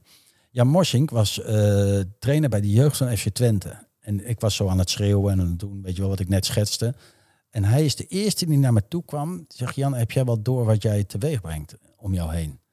En ik dacht, ja, überhaupt, ik dacht in mijn hoofd, waarom spreek jij me aan, man? Je zit bij de jeugd en ik zit bij de eerste, wat denk je wel niet? Dat schoot al door mijn hoofd, weet je, dat is al rare gedachte natuurlijk. Maar dat geeft wel aan hoe ik toen in het leven stond. Zegt hij, je moet eens over nadenken. Wat jij met jouw houding teweeg brengt naar jezelf toe, naar jouw teamgenoten. Ik zie jou hier acteren. Ik ben niet bij de training. Ik zie jou alleen maar hier met een, met een, met een beetje opgefokte blik rondlopen en zo. Denk er eens over na, man. Pak eens een keer een spiegel en ga eens kijken. En toen liep hij weer door. Nou, ik dacht, uh, dat denk je wel niet, weet je wel, om dat tegen mij te zeggen. Maar ja, na twee dagen dacht ik, ja, hij zegt dat niet voor niks. Ik kan wel weer zeggen van, joh, waarom uh, tegen die Jan Morsink uh, boos zijn. Mm -hmm. Maar laat ik dat eens doen. En dat was eigenlijk, als ik, als ik eerlijk ben, de eerste keer dat ik daarover begon na te denken. Wat uiteindelijk heeft geresulteerd in waar we het net allemaal over hadden. Dus die heeft echt wel een impact, zonder dat hij het zelf weet. Ik heb hem ook nooit verteld. Dus, want hij is helaas al overleden. die heeft mij daartoe de aanzet gegeven. En de tweede is Ronald Koeman. En Ronald, uh, die heeft heel veel impact gehad doordat ik zat toen in kleedkamer 2. Hè. Ik was als miskoop uh, weggezet in kleedkamer 2. En hij haalde mij weer terug bij de, uh, bij de eerste selectie. in eerste instantie om een bepaalde mentaliteit weer teweeg te brengen tijdens trainingen. En als ik weer aan het spelen zou komen, nou ja, dan zou dat, zou dat winst zijn, zeg maar. nou, ik ben uiteindelijk aan het spelen gekomen. Maar toen heb ik ook Ronald Koeman leren kennen. Nou, hoe iemand op basis van alleen al zijn uitstraling ook leiding kan geven. Je merkte gewoon op het moment dat hij de kleedkamer inliep, werd de sfeer eh, anders. Het, mensen, de jongens gingen zachter met elkaar praten. De, de, de dolletjes die normaal waren, die werden minder. Want ja, Ronald Koeman was binnen. En soms had ik het niet eens door, maar dan dacht ik in één keer, wat is het in één keer stil in de kleedkamer? Want dan was ik mijn tas aan het opruimen of whatever. Dus ik zag niet wie er in en uit de kleedkamer. Denk ik, zat toch niet Ronald Koeman? Hè? En dan keek ik om, ja, was die binnengelopen. Dus daar merkte hij dat aan. Dat vond ik echt zo interessant. En als hij bijvoorbeeld eh, dan ook beslissingen, eh, die hoeft hij niet eens zo goed te onderbouwen. Want ja, was zijn, zijn mening was gewoon, ja, dat deed je gewoon. Weet je? En dat, dat is gevaarlijk aan de ene kant, hè, want daardoor gaan mensen achter de leider aanlopen. Maar ik vond het wel heel erg in- intrigerend bijna, hoe dat, hoe dat kan. Ik vond het in- interessant om zo'n man mee te maken. Dat je puur op basis van uitstraling ja, een hele groepen achter je, achter je kan krijgen. Een Napoleon-achtige Ja. uitstraling. Ja, ja, maar dan zou je ook zeggen dat, eh, kijk, Napoleon was natuurlijk eh, dictator. Ja. en, en zo zijn er nog wel wat meer geweest in de geschiedenis. Dus die vergelijking wil ik niet gauw maken. Nee, nee. Ik Maar. begrijp wel wat je bedoelt, weet je, dat er, dat er achteraan lopen, weet je wel. En als hij ook fanatiek werd, nou jongen, dan weet je nog fanatieker, want hij werd fanatiek, nou de rest ook. Ik heb ook heel veel andersom gezien, trainers, weet je wel. Die werden dan fanatiek. En dan zag je de groep ook denken, joh, sloof je niet zo uit. Mhm. Weet je, die geloofden hun, hun leider niet. En, eh, Een beetje dat Hibala-achtige coaching. ja, ja, ja, precies ja. Het is leuk, maar ik denk ook, ja, ik heb dat stukje ook persoonlijk, dat, dat hoef je niet over uit te laten, maar dat ik bijvoorbeeld bij Hans Kraai zie ook dat, dat hij zo zijn jasje op de grond gooide. Denk ook van, Ja. ja, dat hoeft voor mij niet. Ik vind dat iets te veel, eh, het is misschien echt, maar het komt op mij een beetje geacteerd over. Ja, de crux is ook om, om flexibiliteit te houden in je communicatie. Als je altijd maar zo acteert, en, eh, ja, op een gegeven moment ben je niet meer geloofwaardig ook. Hè? Dus, ehm, en dat geldt niet alleen bij trainers, maar dat geldt voor alle leidinggevenden. Hoe, eh, hoe acteer jij? En, en, en wat voor impact heeft dat op de, op de groep? En ben je authentiek? Dat is, dat is denk ik nog wel het belangrijkste. Ja. Als je authentiek bent, dan kan je ook fouten maken namelijk. Want iedereen maakt fouten. Als jij denkt aan jouw donkerste periode in je leven, ik weet niet of je dat wilt delen, maar als je dan, hè, om misschien een beeld te krijgen van ook, ook hoe je daar dan mee bent omgegaan, wat, welke periode was dat dan echt? Ik kan me ook voorstellen dat echt, eh, ja, het van bij Ajax spelen naar kleedkamer 2 gaan, dat dat ook hele nare gevoelens geweest eh, zijn. Maar wat, wat is jouw donkerste periode geweest? Ja, nou, de, nou, naar kleedkamer 2, dat viel wel mee. Daar heb ik echt, eh, daar heb ik echt in een helikopter gezeten. Co Adriaans die had een gesprek met mij en zei, ja, ik zie jou niks en eh, je gaat naar kleedkamer 2, je mag niet meer meetrainen en zo. Dacht ik, ja, er is nog, valt nog wel wat van te zeggen ook. Daar zat ik echt in die helikopter, denk ik, ja, ik was al 2, 33 en ze moeten op een gegeven moment gaan verjongen en ik begrijp dat wel. Ik voelde wel, eh, want het is nooit fijn om afgewezen te worden, maar daar kon ik nog wel plaatsen. Nee, mijn, mijn meest zwarte periode is niet zo moeilijk. Dat was mijn tweede bestuurlijke periode bij FC Twente. Toen, eh, ik heb er dus acht jaar gewerkt. Eh, na mijn voetbalcarrière. Diverse leidinggevende functies gehad. Het ging heel erg goed in die acht jaar. Het stadion werd uitgebreid. En ik was commercieel en later algemeen verantwoordelijk voor die, eh, voor die club. Ehm, dus we namen de catering in eigen beheer. Het voetbal ging goed. We hadden Champions League, kampioenschap zelf, uitverkocht huis. En met een hele evenementenorganisatie omheen gebouwd. Ik ben begonnen daar met drie man op de commercie. En toen ik wegging, eh, werkte geloof ik 120. Dus dat, dat, dat was hartstikke mooi om dat te leren en te ervaren en te managen. Toen ben ik vijf jaar weg geweest. En in die vijf jaar ging die club helemaal onderuit. Fraude, eh, punten aftrekken. Er is bijna geen club in Nederland die er zo'n zoortje van heeft gemaakt als FC Twente. En toen vroegen ze mij weer terug naar die vijf jaar. En ehm, nou, mijn, eh, daar heb je het weer. Mijn ego was gestreeld. En de oud-collega's vroegen me terug. En de directie. En wat er nog over was. Want er waren heel veel mensen ontslagen en weg. En het was echt één zinkend schip, zeg maar. Dat schetsten ze ook. Ik denk, nou, dat eh, ga ik wel even oplossen. Dus toen ben ik daar ingestapt. Maar het was nog helemaal niet opgelost. Ik kreeg nog met heel veel eh, ja, nasleep eh, van doen. Ehm, en nou, lang verhaal kort. Die club die sportief ging het slecht. Moesten spelers verkopen. gingen op degraderen. het vertrouwen was weg bij de supporters. En ik heb toen eh, pas ervaren ehm, nou ja, wat, wat social media met je doet. Dat is echt een dagelijks terugkerend monster. Hoe vernietigend de pers kan zijn. Hoe keihard supporters kunnen, kunnen zijn. En eh eh, terecht of onterecht laat ik even in het midden. Maar deed wel wat met mij. En, want ik wilde zo graag dat die club weer omhoog ging krabbelen. En ik heb daar echt zeven dagen per week keihard keihard voor gewerkt. En mijn hele privéleven aan de kant gezet en zo. dacht ik, waarom, waarom doen mensen dit mij aan? Weet je? Dus, eh, maar ja, ik had gewoon mezelf eh, eh, was, was, wat te verwijten. Want ik had nooit in die, in die klus moeten stappen. Daar, je hebt bepaalde uitdagingen, daar heb je gewoon een keiharde crisismanager voor nodig. En dat ben ik niet. Ik ben meer iemand die denkt vanuit groei en motivatie en ontwikkeling. En nou, dat was helemaal niet aan de orde daar. Dus ik had daar helemaal nooit in moeten stappen. Ik had toch een paar jaar moeten wachten. Dan was het weer een beetje op orde gekomen. En dan was de licentie weer oké. Dan was er- waren de financiële middelen weer een beetje oké. Dus ik werd dan met allerlei uitdagingen geconfronteerd. Met eh, eh, inmenging van Satudara en de Saudara binnen de businessclubs en de supportersverenigingen en zo. Weet je, allemaal dat soort dingen, jongen. Dat, ja, ik lag daar wakker van. Dus uh, nou, ik kreeg daar te maken met, uh, met, bedreigingen en uh, politie die langs mijn huis reed om me te bewaken af en toe en zo. Dat, dat soort dingen, ja. Dat past zo niet bij mij. Dat was echt een zwarte periode. En ik, ehm, op een gegeven moment degradeerde die club en ik heb daar ook afscheid, ik ben toen weggegaan daar. Ik heb echt wel een paar maanden de tijd nodig gehad om dat even een plekje te geven en, en ook kritisch terug te kijken van, goh, wat heb ik nou goed gedaan? Heel veel dingen zijn goed gegaan, maar wat heb ik nou fout gedaan? En had ik er überhaupt aan moeten beginnen? Dus uh, ja, dat was wel een zwarte, uh, zwarte periode. Daar heb ik ook hulp voor gezocht. Ik, ben ook, ik heb ook een psycholoog opgezocht. Van, ja, hoe kan het dat dat zo in mijn hoofd... Ik zit hier ook in die podcast allemaal dingen te vertellen. hoe je dat in je brein kan trainen en zo. Maar dat ging mij zelfs de, de pet te boven. Dus um, ik had het nooit mee willen maken. Maar ik ben toch weer blij dat ik het mee heb gemaakt. Want ik heb er zoveel van geleerd ook. Dus um, ja, dat was wel een, een pittige tijd was dat voor mij. Heftig, ja. Ja. Ik moet nog eh, denken aan het interview. Dat vergeet dus ook nooit meer wat ik wel... Ik had heel veel bewondering voor jou op dat moment toen ik je zo voor die camera zag. Toen uh, volgens mij duidelijk was geworden dat je gezin werd bedreigd. Dat je uit het stadion begeleid moest worden. Dat jij een interview moest geven voor... Wat zal toen geweest zijn? Fox misschien nog. Dat het toen Fox heette. Dat, daar kon je het niet echt aan aflezen. Je stond heel kalm, rustig voor die camera. Stond je te praten ik dacht ook van, hey, wel ballen om daar... Gewoon, die stond volgens mij in het Twente-stadion uh, dat interview te geven. Ik dacht zo, dat is wel knap. Ik vond het knap dat jij daar ging staan. Dat jij daar gewoon ging zeggen van, oké, ja, dit is, uh, ja, dit is wat het is. En weet je, je hield toch wel je hoofd vrij cool... terwijl niemand achter de schermen wist wat dat dan op dat moment met jou deed. Ja, ja maar dat is echt een masker, hè? masker volhouden. Van binnen, uh, was, ik was helemaal... Uh, kijk, die, die avond, uh, dat was de avond dat ehm, er een inval kwam van de politie in het, in het supportershome. Tijdens de wedstrijd. En nou, die was thuiswedstrijd tegen PSV. Bomvol stadion. En werd vlak na de rust kwamen er allemaal ME-busjes en die vielen het supportershome in. Want ze wilden daar mensen uithalen die iets met drugshandel te maken hadden. En er was al jarenlang gedoe over drugshandel. En het, nou, die hele wedstrijd weet je, werd, werd, omgeroepen en er kwamen allemaal supporters op af, opstand in die grachten, weet je wel, naar beneden. En nou, was één grote chaos. Werd, door allerlei communicatiefouten werd er omgeroepen, we willen nu het stadion allemaal verlaten. En vijf minuten later, oh nee, blijf toch maar zitten en zo. Totale chaos. Zo. Dus uh, nou ja, met, met, met, met uh, nou ja, opstootjes natuurlijk naar afloop. En uh, dat was echt een gevaarlijke situatie. In het donker ook nog, weet je. Dat maakt ook allemaal extra luguber en zo. zo. Ja, en dan moest ik daarna moest ik de pers te woord staan. Ja, dan kan ik wel een masker opzetten, maar de poeh, dat was wel even, was wel even, even heftig, ja. Ja.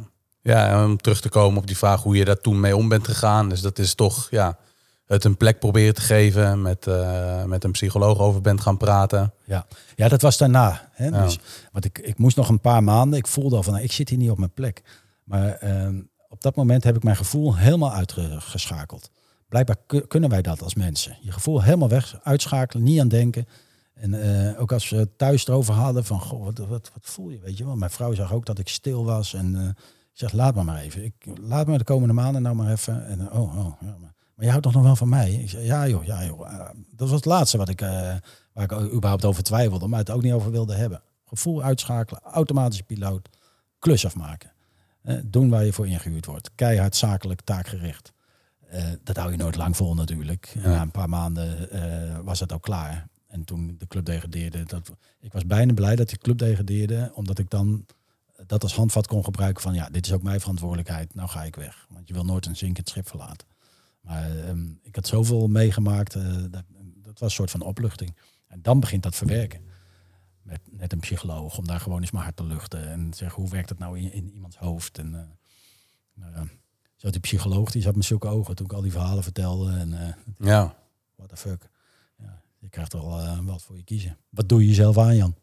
Ja, Ik heb zoveel dingen meegemaakt in mijn leven. Leuke dingen eh, met mijn voetbal. En uh, weet je, ook in het voetbal heb je ups en downs en bestuurlijk en op televisie. En fantastische dingen, maar ook wel heel veel dingen dat ik denk, oh, dat waren pijnlijke tijden zeg. Maar ja, zo zit het leven in elkaar, hè.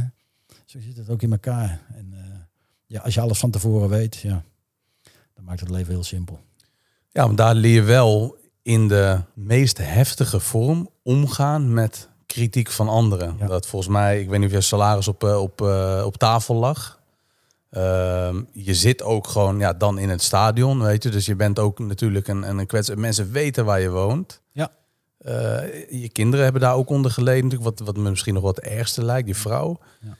Dat je dan echt in de, de meest heftige situatie zit waar je dan, ja, weet je wel, mee moet dealen elke dag. Wat je zegt ook, dat heeft maanden geduurd. Ja, ja. Dat, dat, ja. Ik was de laatste keer, eh, ik was mijn, eh, mijn laptop kwijt. Mijn, nee, mijn iPad. Ik kijk altijd voordat ik geslapen op zijn iPadje nog even wat terug en zo. Ik denk, oh, eens even onder het bed kijken, waar ik nooit kijk.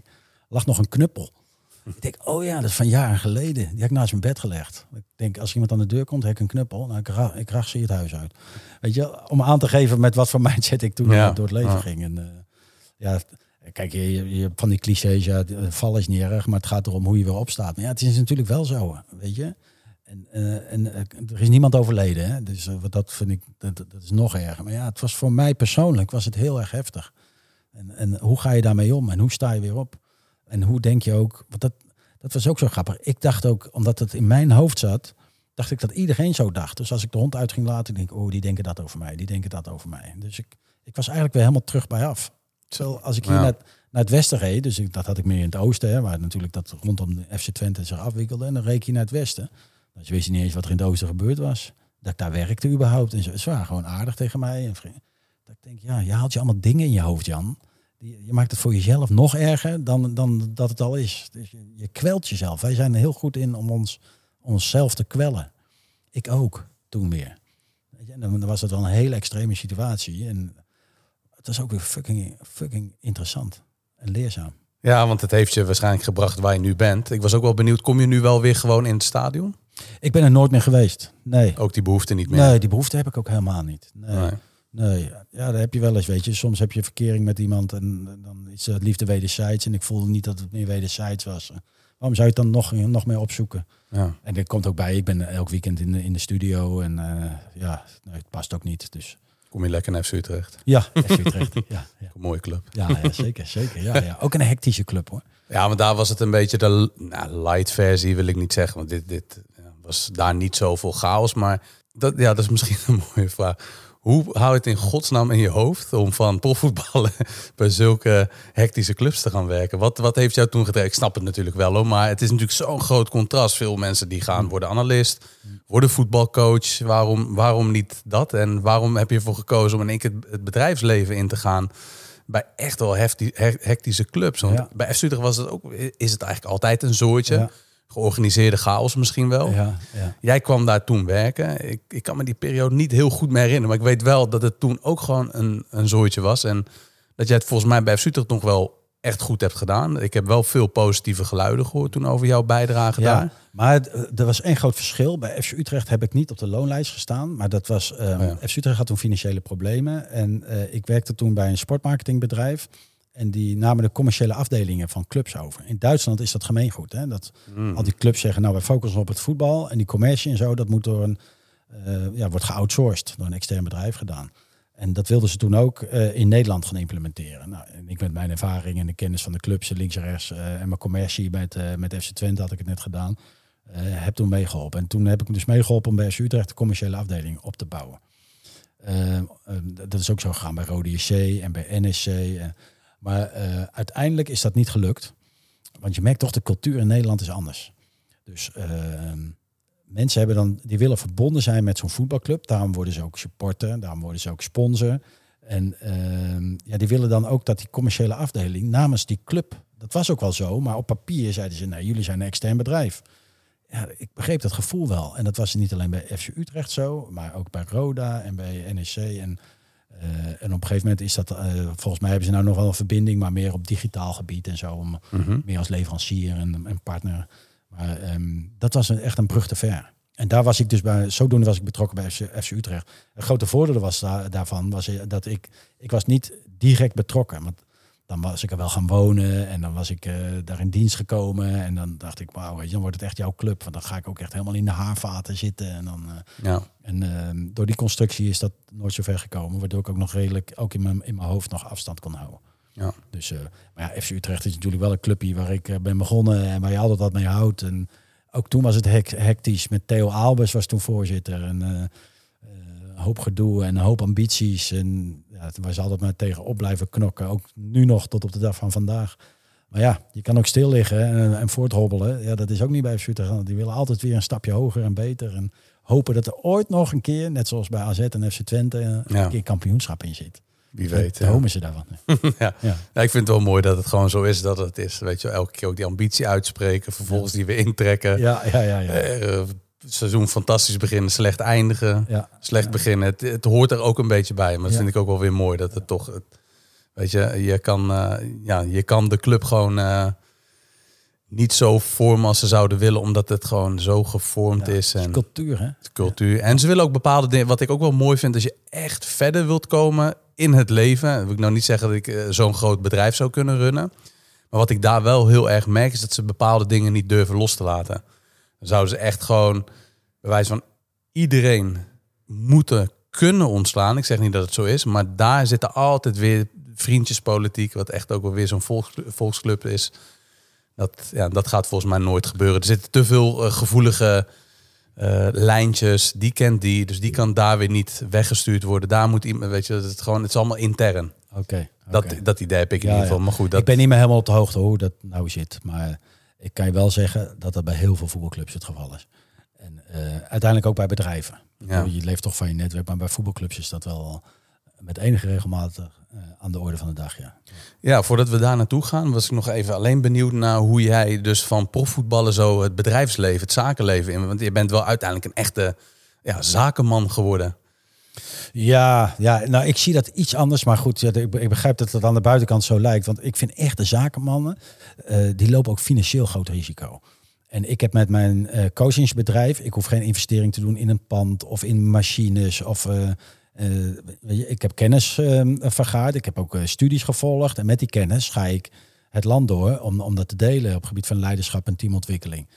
Dat vind ik minder. Snap je wat ik bedoel? Ja, ja. Ik, ik heb altijd respect. Ik heb ook geen mensen in dienst bijvoorbeeld. Ja, als ik een trainersklus heb van een aantal maanden, dan eh, huur ik eh, trainers in. eh, afhankelijk van de vraag van de, van de klant en type. Soms een man, een vrouw. Of soms een wat provocerende coach. Soms een wat zachtere coach. dus ik heb geen mensen in dienst. Dus financiële risico is niet heel. Dat vind ik anders. Dat vind ik eigenlijk, maar ik mag het niet hardop zeggen, niet echt risicovol ondernemen.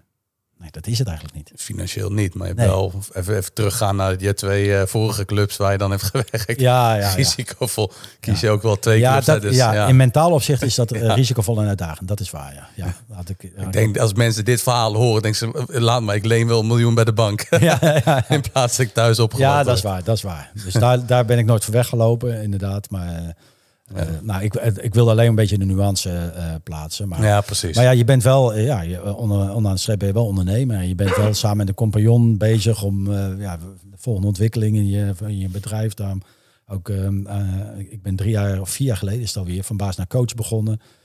Dat ging hartstikke goed, buiten coronatijd natuurlijk, maar ging hartstikke goed. nu eh B. Robin En nou dan. P. Robin, om Ja. het ook wat duidelijker te positioneren. Want misschien herkennen ondernemers dat wel. Op een gegeven moment ja, groeit het en groeit het. En eh, ja, ga je alle trainingen onder één paraplu stoppen. En met B. Robin willen we het wat duidelijker positioneren. Dat van baas naar coach is alleen maar leiderschapstraining. Dan heb je nog teamontwikkeltraining en één op één coaching. Die drie pijlers.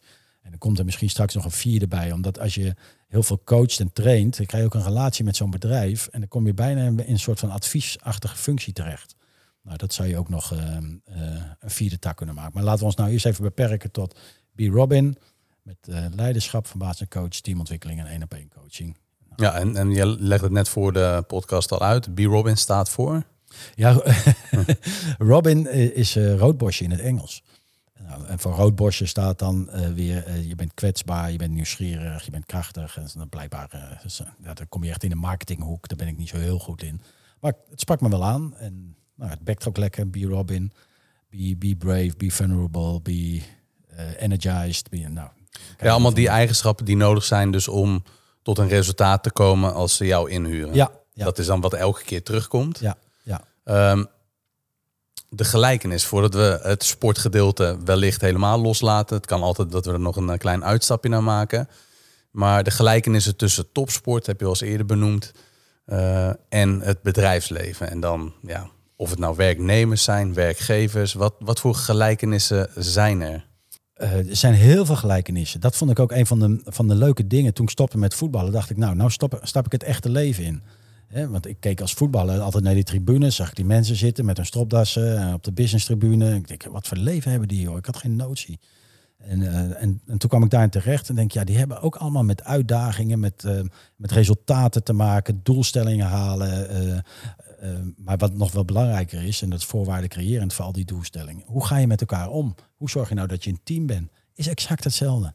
Is exact hetzelfde. Daar, ook daar heb je irritaties of dat je dingen, soms kom je in een flow terecht. Maar zij hebben ook een uitdaging. Dat zegt, ja Jan, we hebben hier allemaal toppers verzameld, maar het, het schiet mij niet op. Dan dacht ik, ja, dat heb ik op het voetbalveld ook jarenlang gehad. Dus dat zijn allemaal gelijkenissen. Er is wel één groot verschil. Er staat geen camera op. Het voetbal is alles wat jij doet, ja, daar wordt over geoordeeld. Uh, wordt, uh, het is ook de grootste sport van, van de wereld. Dus iedereen heeft daar een oordeel over. Dat is best wel lastig. Maar als je die weg zou halen, daar zijn heel veel gelijkenissen. Ook, want ze hebben het ook wel eens over, uh, ja, jouw leefstijl als topsport is heel anders natuurlijk. Dat is ook wel zo. Maar mensen die, die werken, die kunnen ook niet elke dag lazers in de kroeg hangen. En die moeten ook uiteindelijk zorgen dat ze fit zijn. En ja, hoeven niet een uh, vetpercentage van 6,7% te hebben. Wat je moet, moet hebben als je een atletiek atleet bent. Maar ja, je kan ook niet. Uh, nou ja, het kan wel, maar het, het is gewoon. Je functioneert beter gewoon als je een beetje normaal fit bent. Dus hou je ook mee tijdens je leven rekening mee. Ik kan heel veel voetballers aanwijzen. Nou, die hadden een levensstijl, wil je niet weten. Maar die werden gewoon niet dik en die, en die konden dan op basis van hun talent gewoon uh, profvoetballer zijn. Maar leefde echt niet hoor, als een profvoetballer. Hm. Dus, uh, dus nee, de, wat dat betreft is er één verschil. Dat is de camera en de pers. Daardoor, uh, dat is het grote verschil. Dat zie je niet bij veel bedrijven, of bijna geen één. Maar voor de rest zijn er heel veel gelijkenissen. En jij komt dan op een gegeven moment, word jij ingehuurd door een bedrijf vaak waar dan bepaalde dingen niet, uh, niet goed lopen. Wat kom je het meest tegen? Wat komt elke keer terug? Uh, wat je nu heel veel ziet, is snel groeiende bedrijven, waarbij uh, jonge mensen uh, goed functioneren en doordat het bedrijf snel groeit, in één keer op een leidinggevende positie terechtkomen. En um, dat is toch een ander vak. Dan moet je anders gaan communiceren, dan moet je zelf anders gaan functioneren. Je moet daardoor ook gaan communiceren in één keer met de directeur die daar weer boven zit. Dus je komt een beetje tussen de val en het schip, zo noem ik het altijd maar. Mm -hmm. En dat is uitdagend. Uh, en dat kan ook heel frustrerend worden, waardoor mensen het plezier verliezen in hun werk, weggaan of uh, nou, zelfs ziek worden. Um, en dat is zonde voor de persoon zelf natuurlijk, voor dat bedrijf. Dus dan, dan wordt eigenlijk, doordat je snel groeit, word je met dat soort uh, negatieve aspecten word je geassocieerd. Nou, dan vliegen wij in om, om mensen te trainen en te coachen op gebied van leiderschap. Nou, Vlak heeft het dan ook uiteraard, want je bent toch een team. Als leider geef je dan toch ook sturing aan dat team. Hoe ga je daarmee om? Want uh, dat, dat staat onlosmakelijk, is dat met elkaar verbonden. Ja. Maar daar maken we dan uh, trajecten voor, soms van wel acht maanden, maar heel af en toe hebben we ook wel gewoon één dag. Gewoon om, want je hebt ook heel veel teams die functioneren al heel lang samen, maar dan is er iets ingesluimerd. Een bepaalde gelaatheid of irritatie of er zijn wat nieuwe mensen bijgekomen en zeggen ja, die, die vallen toch een beetje buiten de boot. Dat willen we niet. We willen daar weer een hecht team van maken. Dan doen we ook wel eens een dag, om dat weer even dat bewustzijn aan te zetten. Uh, waarbij een groot verschil is tussen aardig zijn en eerlijk zijn. Dat is heel veel in teams. Hm. We willen allemaal aardig zijn tegen elkaar, maar eerlijk is soms ook heel erg aardig. Dus uh, nou, dat doen we ook. Dus het is heel, heel divers daartussenin. Ja. En dat is hartstikke leuk. Soms heel confronterend. Dat moet ook wel, want ja, sommige dingen zijn ook heel erg erin geslopen. Maar, uh, oh ja, wat ik wat ook steeds meer merk is in de huidige maatschappij worden heel vaak fusies gedaan, hè, overnames mm -hmm. en zo, waardoor ja. Verschillende culturen bij elkaar gebracht worden. Ja, dat is verrekte lastig natuurlijk. Als je daar leiding aan moet geven, nou, daar vlieg ik ook vaak in om, om, om dat in ieder geval op tafel te krijgen. De vis moet op tafel komen te liggen. Heel vaak wordt er op de in de wandelgangen of bij het koffiezetapparaat wordt heel vaak gepraat en geoordeeld over het bedrijf en de doelstellingen en de leidinggevende en de teams en ja, dat, uh, ik zeg altijd zo, als je, als je mij inhuurt, dan kan je niet ontsnappen. Dan gaan we met z'n allen in de virtuele kleedkamers, noem ik het altijd, de deur gaat dicht en alles wordt daar gezegd. Dus, uh, dat gaat er wel hard aan toe? Uh, nou, het hoeft niet eens hard te zijn, maar wel eerlijk. Ja. Gaat er eerlijk aan toe. Ja. ja, hoe reageren mensen daarop? Omdat ze dat misschien niet meer gewend zijn. Dan kom jij in één keer... ja. Zien ze ook zo'n uh, die ja. opgefokte oud profvoetballer die. Nee, maar misschien ook dat het wel intimiderend kan zijn. Ook en daar zit je gewoon. Je bent gewend om bij de koffieapparaat of bij de koffiemachine hmm. Lekker te spreken met, met elkaar en over elkaar te praten. Ja. En dus dat je heel erg merkt van, uh, nou ja, goed, we, bespreken het gewoon met z'n twee. Ja, heb je die gezien? En heb je gezien wat die aan heeft? En dat roddelen en dergelijke. En dan in één keer kunnen ze geen kant op. Van ja, maar jij was ergens niet tevreden over. Ja. Gooi het maar op tafel. En wat gebeurt er dan met mensen? Of waarom gebeurt het zo dat ze dat, ze dat dan niet met elkaar bespreken, maar wel met een ander? In plaats van met degene over wie het gaat. Ja, nou ja, het, het, kijk, dat je, dat je roddelt of met elkaar praat, dat is ook een beetje mens eigen. Maar ehm, als, we, als wij dan aan de slag gaan, cruciaal is dat er veiligheid gecreëerd wordt. Dat je je veilig voelt binnen een groep om dingen te zeggen. En ja, dat is mijn grootste taak natuurlijk. Om daar afspraken over te maken en ze dat ook dat gevoel te geven. En, en dan gaat niet van, jongens, je wil veiligheid even hier op tafel gooien. Ja, is iedereen oké? Oké, dan gaan we vanaf nu. Dat moet ook een beetje groeien. Ja, ja, ja. En afhankelijk van de, van de ernst van de situatie, zoals het in teams is, uh, kan het soms na een dag al weg zijn. Maar soms ook pas na vier middagen dat we bij elkaar zijn geweest. Zeggen, hey, we voelen ons nou vertrouwd. We weten ook dat alles wat hier gezegd wordt, blijft ook hier.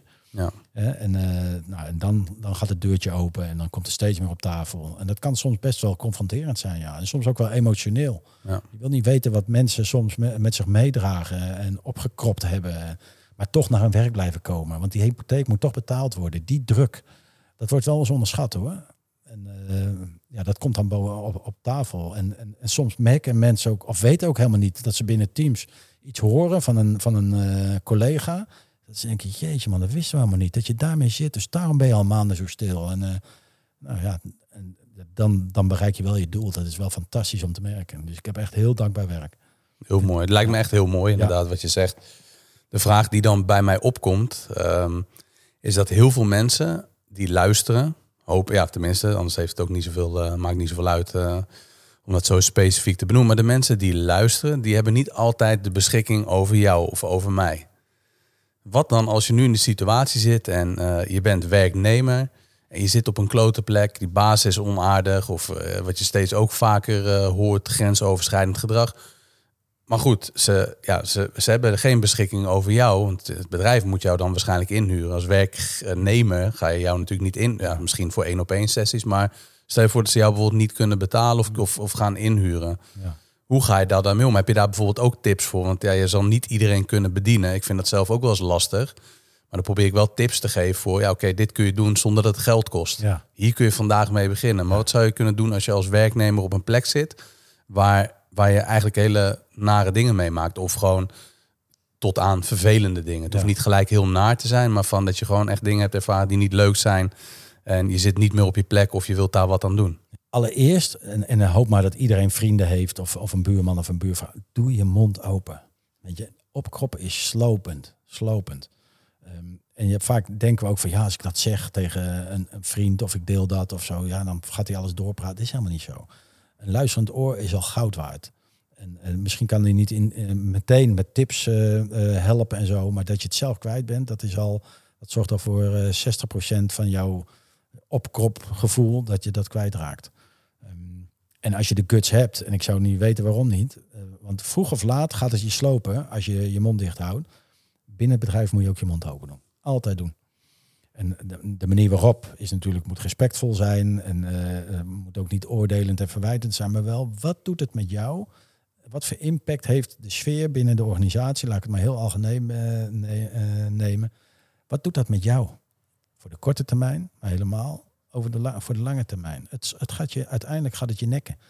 Dus doe je mond open. En wij worden allemaal belemmerd weer in ons brein door van ja, maar wat als en hè, dat overlevingsmechanisme. Je wil overleven, want je wil niet weggestuurd worden, je wil niet eh, werkloos worden. Maar het kan je ook slopen doordat je ja, op een gegeven moment gaat je lichaam oud. Doordat je alles opkropt. Doe je mond open.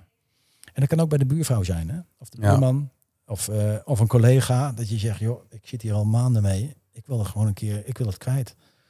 En uh, hoef je helemaal niet bang te zijn dat een ander denkt van, uh, want dat weet je helemaal niet, van uh, goh, wat raar of wat dan ook. Dat halen we allemaal in ons hoofd en daardoor worden we daarin be belemmerd. Doe het nou. Doe het nou gewoon. Het kost geen geld. Ik heb ook, en dat is een heel raar voorbeeld, als voetballer ben ik ook, heb ik een keer om advies gevraagd bij Willem van Hanegem. Ik zag dat al die jongens allemaal veel beter waren dan ik en zo. Ik ben een keer naar hem toegestapt. Nou, ik moest allemaal moed verzamelen. Maar de tips die hij me toen gaf, heb ik de rest van mijn carrière ook wat aan gehad. En het was geloof ik vier woorden hoor. Of vier zinnen. Want Willem zei nooit zoveel. Wat zei die? Maak je niet druk? nee, hij zegt, jij moet, jij, moet zo, jij moet niet meevoetballen, Jan. Jij moet ballen afpakken. En, en, en, en gauw aan iemand inleveren weer als je de bal hebt afgepakt binnen jouw team die wel goed kan voetballen. Dat is jouw rol. Daar ben je heel goed in. Nou ja, dat weet je. Dan denk ik, nou, dat is ook aardig, weet je. Ik dacht dat ik zelf wel een aardig balletje kon trappen. Maar ik ben er wel mee aan de slag gegaan. En eigenlijk heb ik dat 16 jaar lang volgehouden. Alleen maar ballen afgepakt. Ik chargeer het beeld een beetje hoor. Maar, Ja, maar, als ik niet naartoe was gestapt, zomaar even een tippie. Weet je, daar heb ik zoveel aan gehad. ja, maar het is wel mooi. Doen waar je goed in bent en erkennen dat je dus niet alles goed kan. Als jij dus Ibrahimovic wil gaan kopiëren, ja, dan had je waarschijnlijk, Kansloos. ja, dan, ja, Ja. Dan, dan ben je niet op je best. Terwijl als je gewoon kan erkennen dat je bepaalde dingen gewoon niet goed kan, ja, dat, dat het een hele een opluchting is. Dat je kan zeggen, ook, oh ja, Ja, ik kan ja, administratie bijvoorbeeld ben ik helemaal niet goed in, maar ik kan wel heel goed communiceren. ja.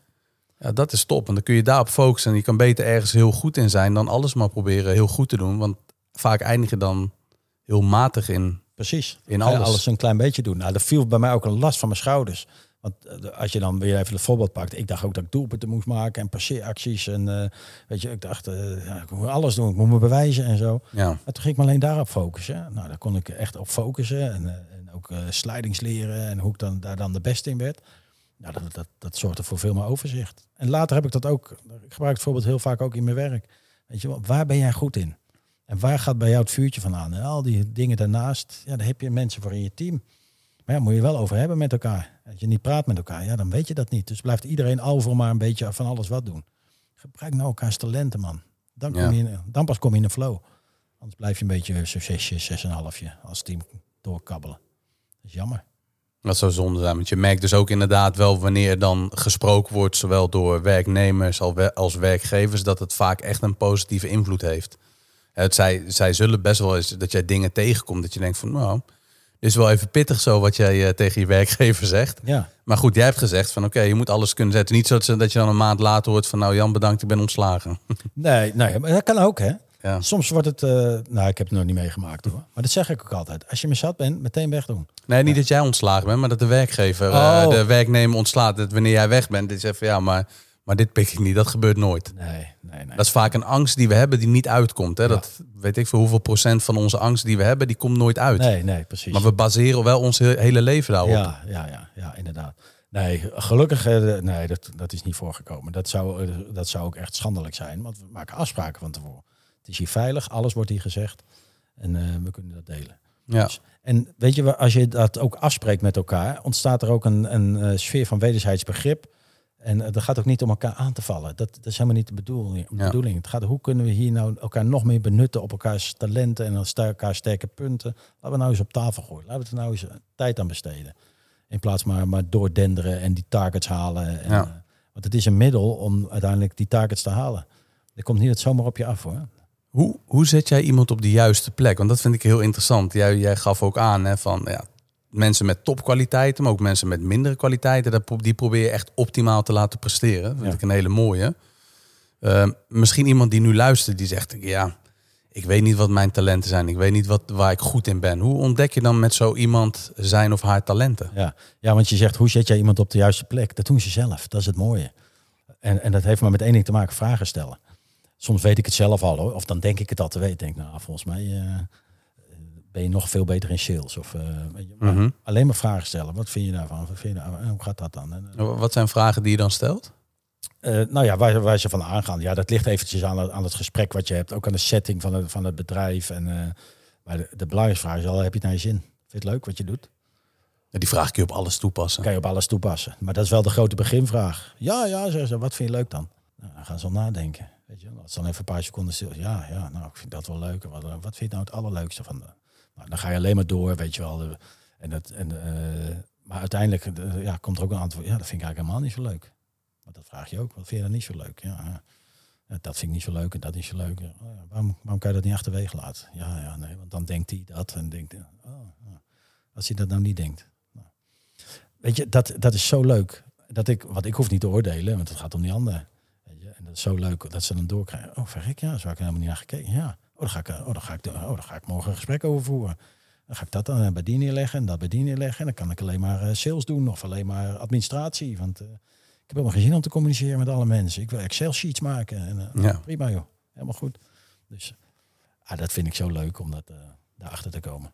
Ja, dat is heerlijk om dat los te maken. En ook die, die vraag ook om... Het is best wel moeilijk, want jij stelt die vraag. Ik vind dat heel mooi. Elke keer heb ik weer nieuwe inzichten dat ik iemand die heb. En dan ben ik heel benieuwd naar... Ja, wat zijn dan die kritische vragen die jij stelt om een antwoord te krijgen waarmee je kunt gaan werken? Ja. En hopelijk ook dat mensen daar dan op een gegeven moment thuis het gewoon misschien even kunnen opschrijven. Van oké, ja, heb ik het op dit moment naar mijn zin in mijn relatie of op werk? Ja, ja, ja. Maar wat vind je dan zo leuk aan je relatie? En het, is gewoon, het, het, klinkt zo simpel, maar goed, als je midden in die emotie zit, waar je elke dag in zit, want het is waarschijnlijk emotioneel. Het is dus heel moeilijk om rationeel die vragen te stellen. Dat het heel waardevol kan zijn, hè, dat, wat jij dan meegeeft. En wat je dus in die trainingen doet, want dat zijn vaak dan wel bedrijven. Dat is dan een gevoel wat bij me opkomt. Uh, dit zijn toffe bazen en werkgevers. Want ja, zij huren jou en zij willen echt oprecht dat het beter gaat tussen hen en de werknemers. Ja. Dus dat, daar zit al waarschijnlijk wat goed. Maar er zijn natuurlijk heel veel bedrijven dat, ja, dat een. Uh, ik weet niet of mensen dit ervaren, maar ik, ik heb het gevoel dat het wel steeds meer gebeurt. En je ziet het zelfs bij Ajax met Overmars natuurlijk, heftige situatie. Dat, dat er grensoverschrijdend gedrag gebeurt. En wat mensen daar ook van vinden, het gebeurt. Hm.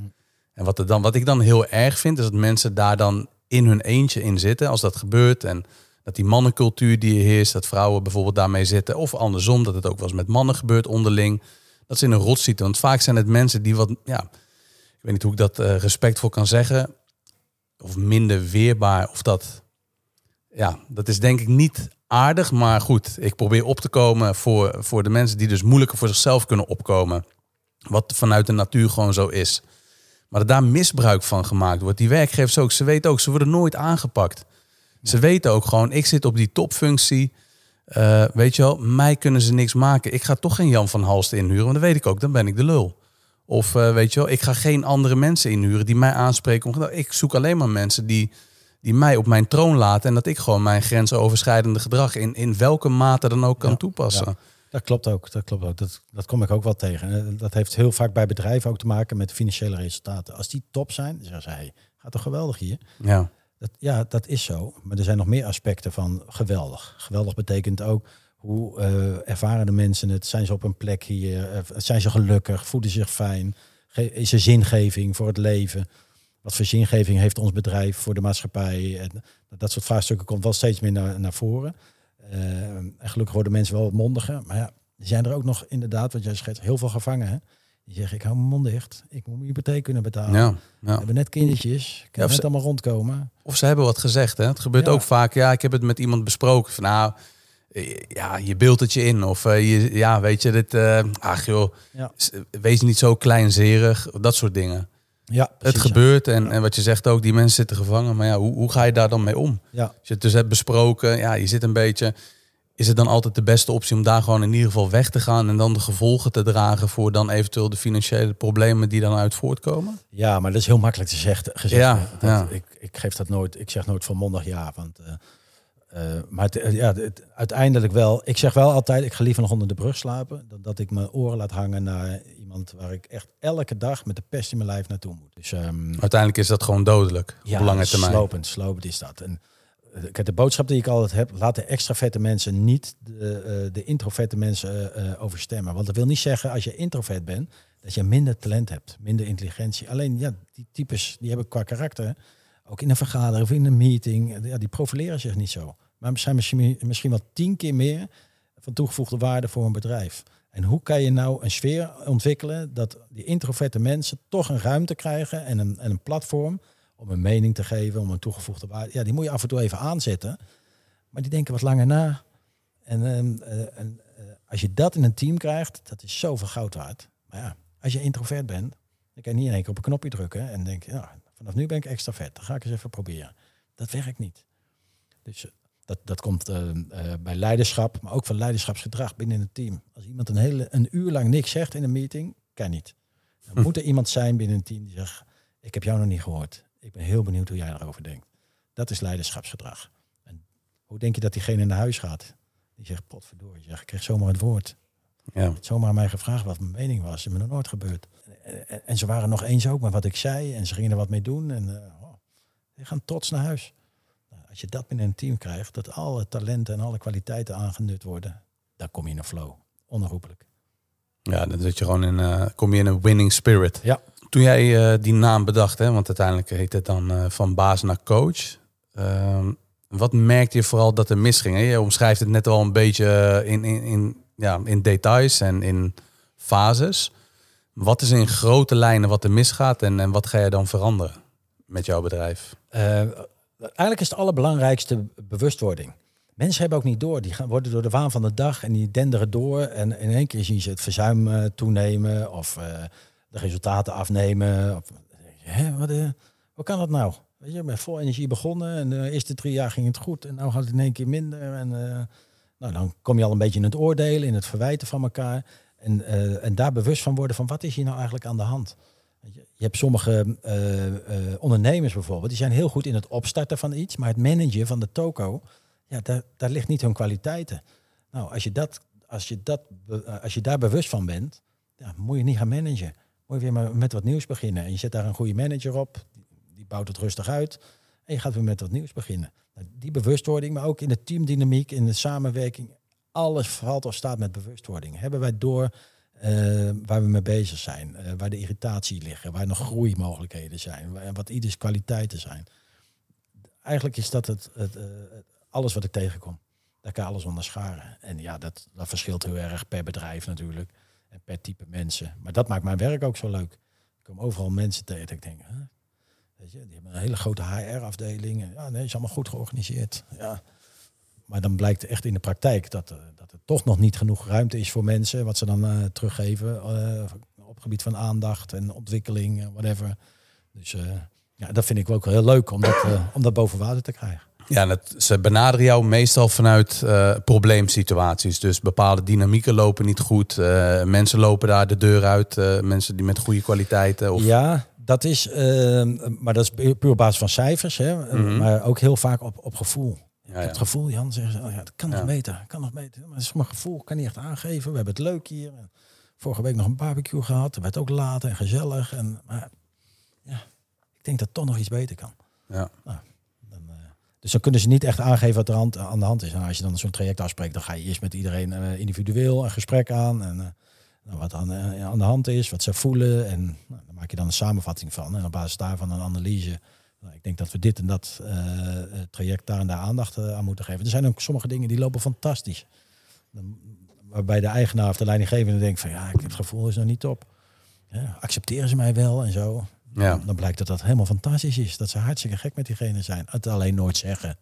Ja. Waardoor die leidinggevende weer in aannames gaat denken en zo. Dus nee, het is, het is heel divers. Maar het, ja, het is mooi.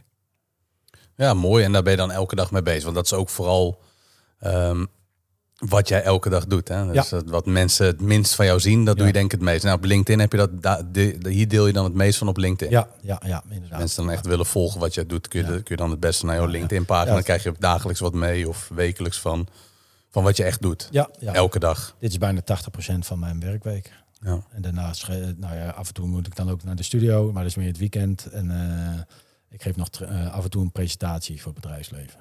Zo- Ja. Zo'n zo'n motivational speech. Vanuit sport en motivatie. Ja. ja, ja. En wat, wat bespreek je dan? Wat zijn dan eh, de, de kenmerken van die presentatie? Waarvoor, eh, wat, wat blijft mensen denk je het meeste bij? Nou, eigenlijk, eh, ik, ik, ik vertel daar ook over de 5 G's. Dus ook heel veel dingen die ik hier heb besproken. Maar mijn slotstuk is misschien nog wel, wel aardig. Want ik wil ze graag ook de, de deur uitsturen altijd. Of naar huis toe sturen met iets wat ze blijft hangen. Hè. Dat moet je dan op het einde meegeven. En, en dat gaat over ehm, eh, Do You See Me?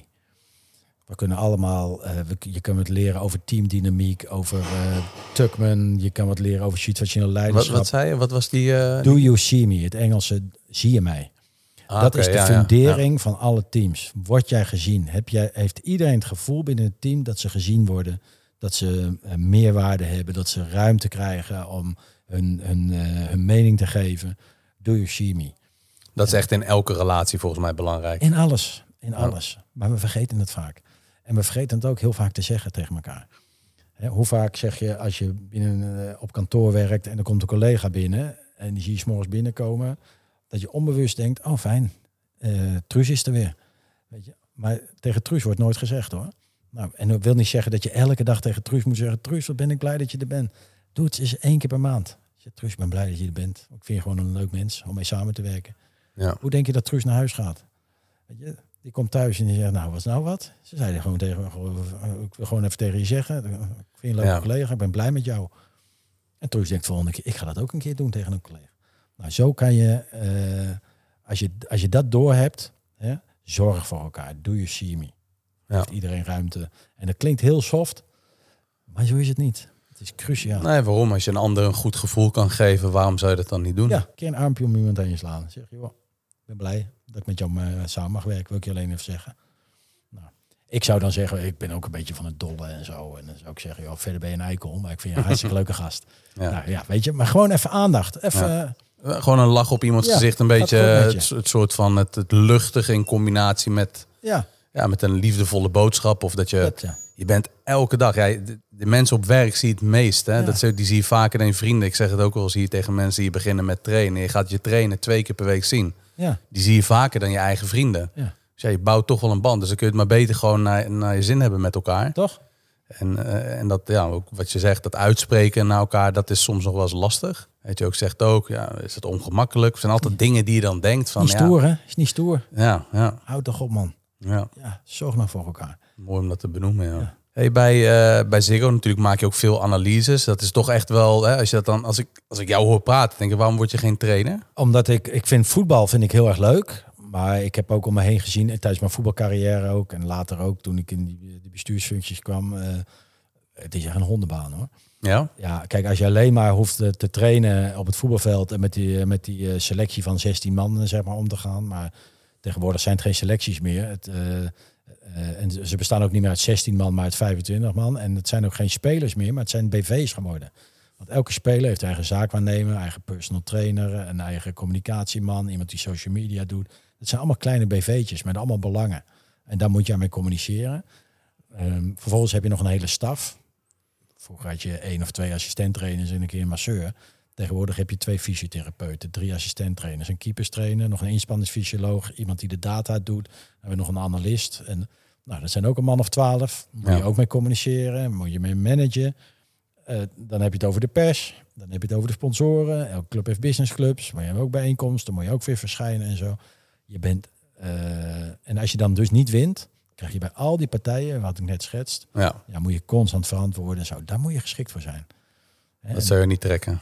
Nee, nee, nee, nee. Dat zou mijn liefde voor het voetbal, want daar doe je het dan voor, zou dat niet opheffen. En nu, bij, de, bij eh, ja, dat is net een snoepwinkel. Ik hoef, ik hoef met niemand, eh, ja, met, met de redactie maken, maar dat gaat nergens over. Dat, ja, dat gaat goed en professioneel hoor. Maar, en ik hoef alleen maar voetbal te kijken. En ik kan over oordelen. Dus ik heb alleen maar de, de positieve kanten daarvan. Nou, vind ik heerlijk. Nee, ik heb er heel vaak over nagedacht, ook toen ik stopte met voetballen. Ik denk, nee, dat, dat moet ik niet doen. En ik ben ook wel blij dat ik dat gedaan heb. Want eh, dan zit je toch weer in die kleedkamer en je blijft in diezelfde cultuur. En ik heb dus eh, de, de stap gemaakt, weliswaar bij veel voetbalclubs hoor, maar ook eh, naar, eh, naar de commerciële tak en naar de organisatorische tak. Qua managementvaardigheden en, en, en inzicht in governance structuren en dergelijke. Heb ik daardoor veel meer geleerd dan dat ik als ik trainer was gebl- Ja. geworden.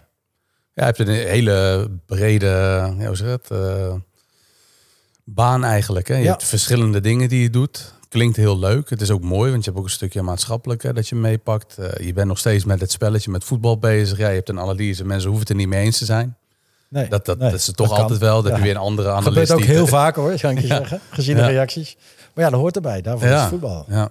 ja, dat is het mooie. Hè. Wat ik ook nog wel interessant vind, ook, hè, wat je toch wel vaak ziet gebeuren, zonder uit te wijden over namen, maar dat voetballers nadat ze gestopt zijn, een hele andere kant op gaan. Dat de echte touwtjes volledig losgaan. Hè. Heb jij daar een verklaring voor wat dat dan precies is? Ik kan het niet verklaren. Ja, ik kan het eh, invullen voor mezelf, maar dat ze dan helemaal de touwtjes losgaan en ja, toch ook wel flink wat aankomen.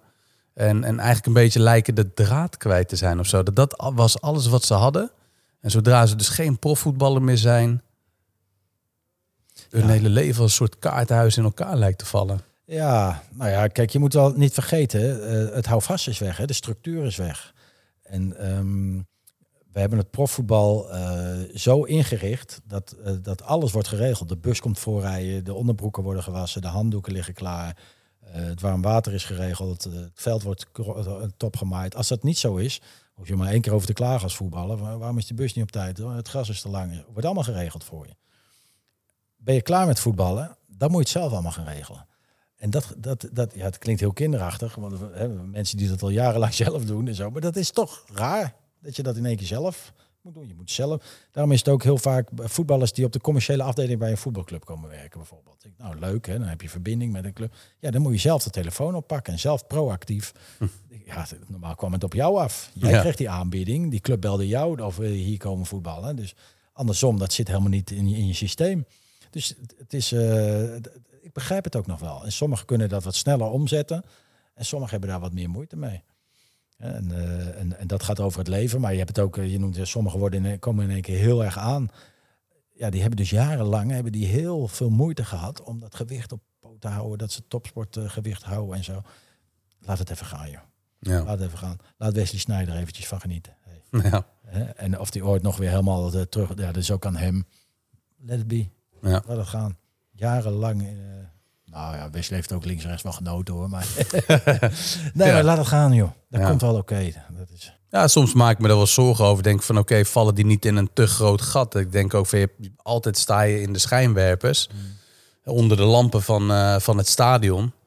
En op een gegeven moment ook, ja, dan, dan is die rol in één keer weg. Die lampen die staan niet meer. Ja, de lampen van, van de camera's van de, van eh, de nieuwszenders die, eh, die klaarstaan als jij dan wat verkeerds doet. Ja. Maar het is wel interessant. Ik ben altijd wel benieuwd. Ik, eh, ik, vind, ik vind wat daar gebeurt wel interessant. Ik, Ja, ik zie wel die zo. ontwikkeling dat het wel steeds vaker gebeurt. Kijk, jij hebt dan een andere weg gekozen. Maar ik ben ook wel benieuwd naar die, eh, die kant. Of ja, jij krijgt het natuurlijk van wat dichterbij mee. En jij omschrijft het zo mooi. Van, ja, jij krijgt het van wat dichterbij mee. Wij zien het maar van, ja, vanaf de zijkant. Net zoals elke wedstrijd. Ja. Maar je hebt, je hebt eigenlijk elke kant van dichtbij meegemaakt. Je hebt op het veld gestaan, in de kleedkamer gezeten. Eh, je hebt op de tribune gezeten, bij wijze van als, als wissel. Je, je, je hebt in de, de hogere functies binnen eh, topclubs gezeten. Eh, nou, je hebt een eigen bedrijf opgezet. Je komt dus in ja, grote en kleine bedrijven. Want Je komt ook best wel wat bij wat grote bedrijven, grote autodealers ook, begreep ik. En je spreekt met werknemers en werkgevers. Je spreekt en ziet eigenlijk iedereen. Jij ziet bij heel veel situaties, zie je dus twee kanten. Ja, ja. ja, dat klopt. Ja. Ja. klopt. Ja. Dat maakt het heel erg divers. Dus eh, als je specifiek hebt over, ehm, eh, over voetballers die stoppen hè, en die dan zeg maar ehm, mentaal op een ander, eh, of een, met een ander blikveld het, het leven moeten gaan eh, betreden, klinkt heel zwaar, maar ehm, het allerbelangrijkste is dat je financiën op orde hebt. Kijk, als voetballer verdien je wat meer en dan eh, heb je een bepaald uitgavenpatroon wellicht. Mhm. Eh, ja, dat is voorbij. En dat, eh, dat je jezelf realiseert. Ja, het klinkt heel simpel hoor, want je, ja, je moet gewoon je, je kosten bij elkaar optellen. En zoals iedereen Ja. doet, al jarenlang, je broek, je broek ophouden.